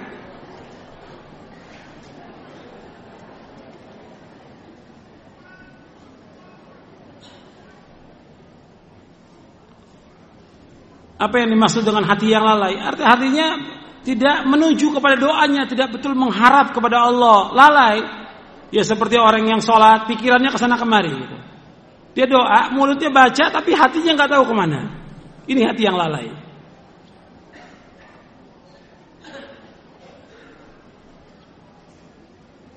Apakah boleh kita berdoa dengan tawasul dengan semua Boleh, bahkan Nabi gunakan. Seperti ya hayyu ya qayyum bi rahmatika astaghitsu aslih li sya'ni kullahu wa la takilni ila nafsi tarfata Atau kita baca ya ghafur ya rahim ighfirli. Ya ghafur ya ghaffar ighfirli. Ya rah, ya rahman ya rahim irhamna. Boleh. Kita menyebutkan nama-nama Allah Subhanahu wa taala kemudian kita tawassul dengan nama-nama itu. Atau dengan sifat-sifatnya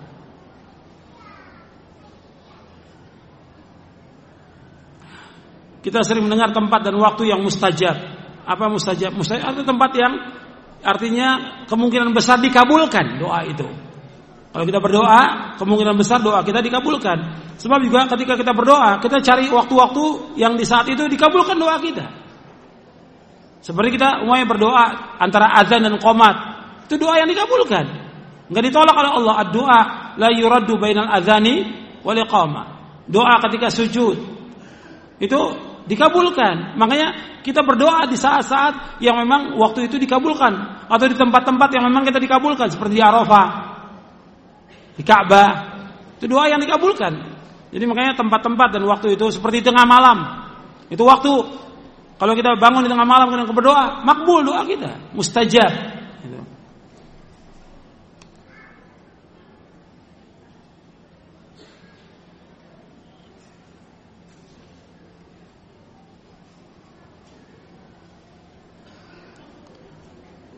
Kalau kita berdoa yang kita dulu yang kita mulai itu Siapa dulu? Ya kita diri kita.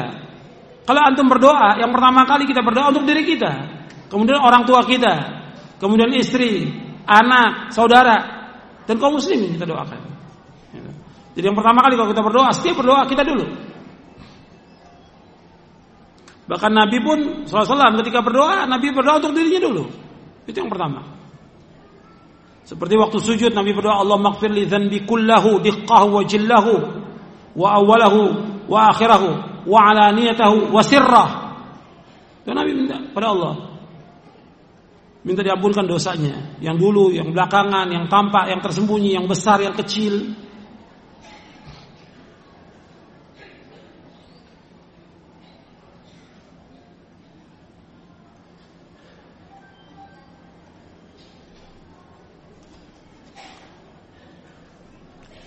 Betulkah doa itu sebagai senjata orang muslim?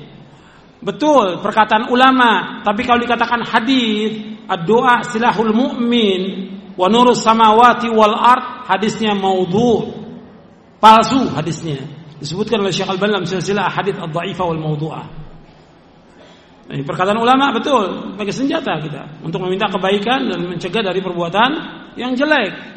Tapi dikatakan itu hadis maudhu hadisnya palsu.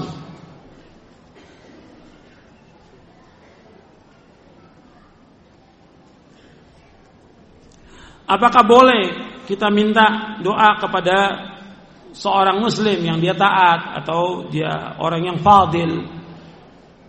Secara umum boleh. Seperti yang dilakukan oleh sahabat Umar bin Khattab radhiyallahu an. Umar Nabi menyebutkan nanti ada orang yang terbaik yaitu dari kalangan tabi'in itu Uwais Al-Qarni khairut tabi'in Uwais Al-Qarni.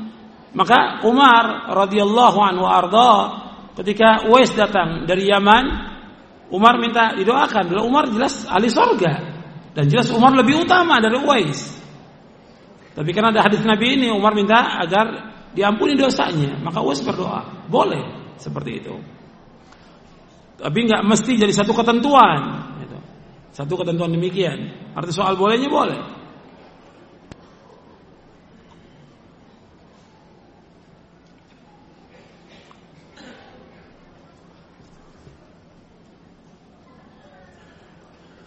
Ada juga riwayat yang pernah ada orang juga minta doa kepada Umar bin Khattab. Umar e, radhiyallahu an itu melarang. Artinya beliau juga mengingatkan supaya orang ini langsung kalau berdoa itu kepada Allah tanpa perantara. Makanya Umar menjawab, "Ambiya nahnu?" Apakah kami ini para nabi? Ini dibawakan oleh Imam Asy-Syatibi dalam kitabnya Al-Iqtisad. Artinya kita ini bukan nabi. Kalau antum berdoa langsung aja kepada Allah tanpa perantara. Jadi Umar pernah menegur supaya orang kemudian tidak menganggap dirinya bisa timbul sombong, bisa timbul ujub karena orang datang kepada dia minta doa. Seolah-olah dia doa yang paling makbul. Awalnya itu lama kelamaan pakai tarif. Kalau doanya pendek segini, doanya panjang segini. Tambah rusak lagi. Sudah timbul dia ujub, timbul kibir, dia menganggap dirinya doanya terkabul. Dari mana dia terkabul doanya? Kalau Nabi betul. Kalau Nabi betul ada hadis yang sahih. Kata Nabi likulli nabiyin da'watun mustajabah. Setiap nabi punya doa yang dikabulkan. Tapi kita nggak bisa kita pastikan doa kita ter terkabul. Apalagi untuk semua orang. Makanya ini juga kadang-kadang orang merasa bahwa doanya ustadz ini makbul dari mana?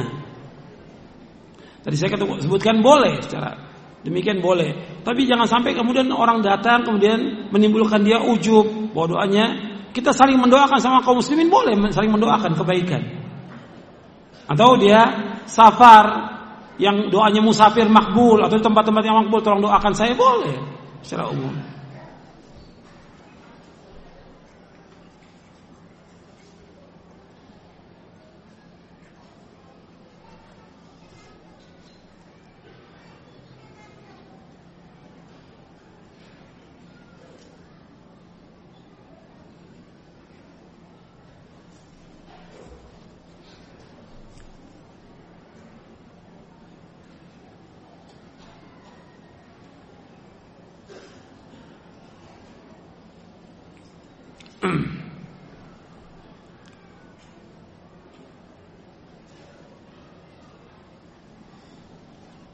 Apakah ketika selesai menguburkan mayit itu boleh berdoa? Boleh. Nabi juga berdoa. Nabi mengatakan kepada sahabat, "Istaghfiru li akhikum wasalu lahu tathbit."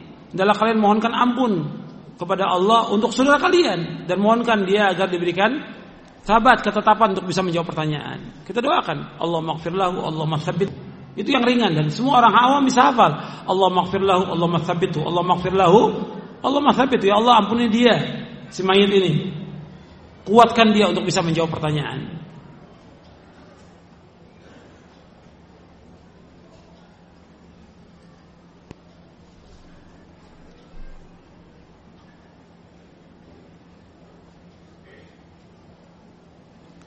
Apa benar ada doa Ya Allah, aku takut nerakamu tapi aku tidak layak masuk ke surgamu. Lantas mau, mau masuk ke mana ke sumur? Ini bukan hadis. Ya, ini bukan hadis. Ini ada perkataan Abu Nuwas katanya. Tapi juga riwayat nggak ada sama sekali dari sahabat, dari tabi'in. Tadi sudah saya sebutkan ketika orang berdoa liya'zimil mas'alah wal yu'azzimir raqbah. Dia sungguh-sungguh minta kepada Allah, minta sorga. Jangan mengatakan saya nggak sanggup masuk neraka, tapi sorga juga nggak pantas. Mau masuk ke mana? Tempatnya orang yang beriman di mana tempatnya? Sorga. Minta kepada Allah dengan sungguh-sungguh agar kita dimasukkan ke surga. Maka doa yang paling baik yang dipanjatkan oleh seorang mukmin minta surga dijauhkan dari neraka. Maka ketika Nabi mendengar seorang sahabat berdoa di saat sholat, dia minta surga dijauhkan dari api neraka. Apa kata Nabi? Haulahanu dan di sekitar itu kami berdoa. Maka Nabi selalu berdoa kepada Allah.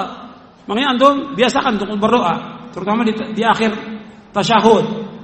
Ya, berdoa pada Allah, ya Hayyu ya Qayyum, ya Dzal Jalali Karam, Allahumma inni as'aluka al-jannah wa a'udzu bika minan nar.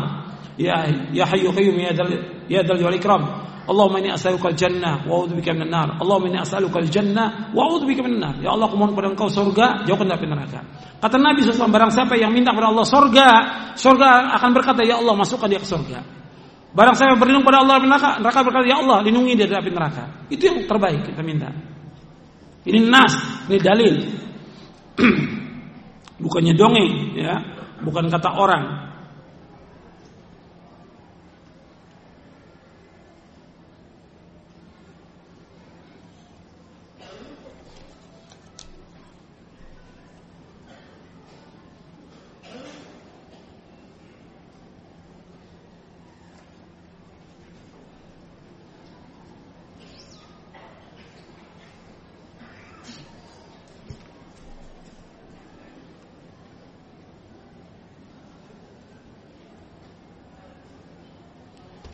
Apakah ada doa khataman Quran itu Allah alhamdulillah Quran? Saya belum dapat riwayatnya. Dalam marwiyat khatmil Quran dibawakan oleh Syekh Bakar Abu Zaid ini nggak ada riwayat yang seperti ini. Adapun berdoa di saat khatmul Quran boleh seperti yang dilakukan oleh Anas bin Malik radhiyallahu an ketika khatam Quran dia berdoa kepada Allah SWT. Tetapi mengkhususkan itu pada salat tarawih doa khataman nggak ada dalam Islam. Nabi nggak pernah lakukan, sahabat nggak pernah lakukan. Ini disebutkan uh, oleh Syekh Bakar Abu Zaid rahimahullah dalam kitabnya Marwiyat Khatmil Quran. Artinya tentang riwayat-riwayat semua yang berkaitan dengan khataman Quran. Semua ada yang sahih riwayatnya. Gitu.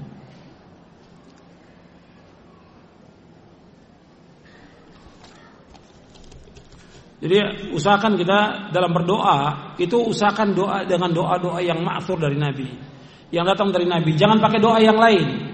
Jadi ketika antum berdoa kepada Allah, doa yang datang dari Nabi, Nabi yang lebih tahu tentang Allah, lebih Nabi yang lebih tahu bagaimana Allah mengabulkan doa.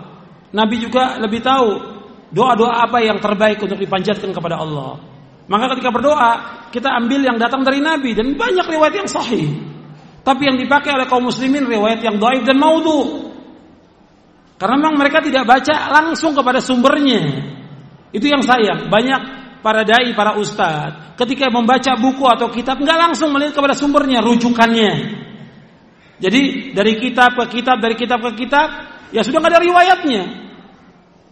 Yang ada kata orang kata orang. Dan biasa kalau orang membawakan itu mesti ditambah, terus ditambah. Tapi kalau kita rujuk Mary Bukhari, kita lihat di Sahih Bukhari-nya. Ketika di Muslim, rujuk ke Sahih Muslimnya, benar atau enggak? Riwayatnya ada apa tidak? Jadi jangan cari yang lain. Doa yang terbaik yang kita panjatkan yaitu yang kita ambil dari Rasulullah Sallallahu Alaihi Wasallam. Makanya disebutkan di sini di buku doa wiri tentang kaidah-kaidah dalam kita berdoa. Kalau umpama ada seorang yang berdoa, dia meninggalkan doa yang datang dari Nabi.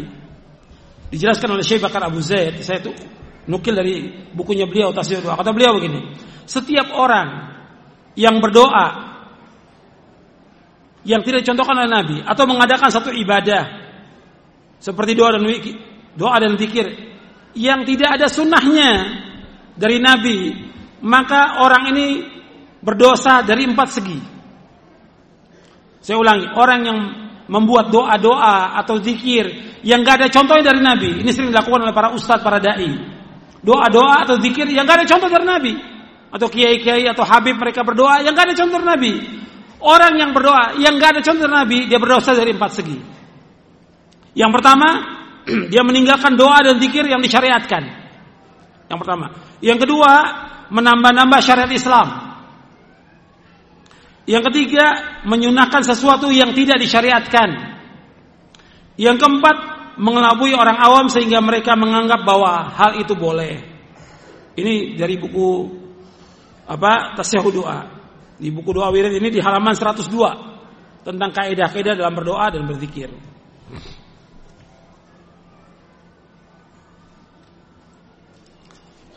Ya, saya pikir cukup karena uh, kita masih ada waktu 10 menit persiapan untuk wudhu sholat duhur. Itu yang bisa saya jawab. Kurang lebihnya saya mohon maaf. Mudah-mudahan yang kita kaji bermanfaat dan dapat kita amalkan. Mudah-mudahan kita termasuk orang-orang yang berdoa kepada Allah Subhanahu wa taala. Dan juga mudah-mudahan doa kita dikabulkan oleh Allah.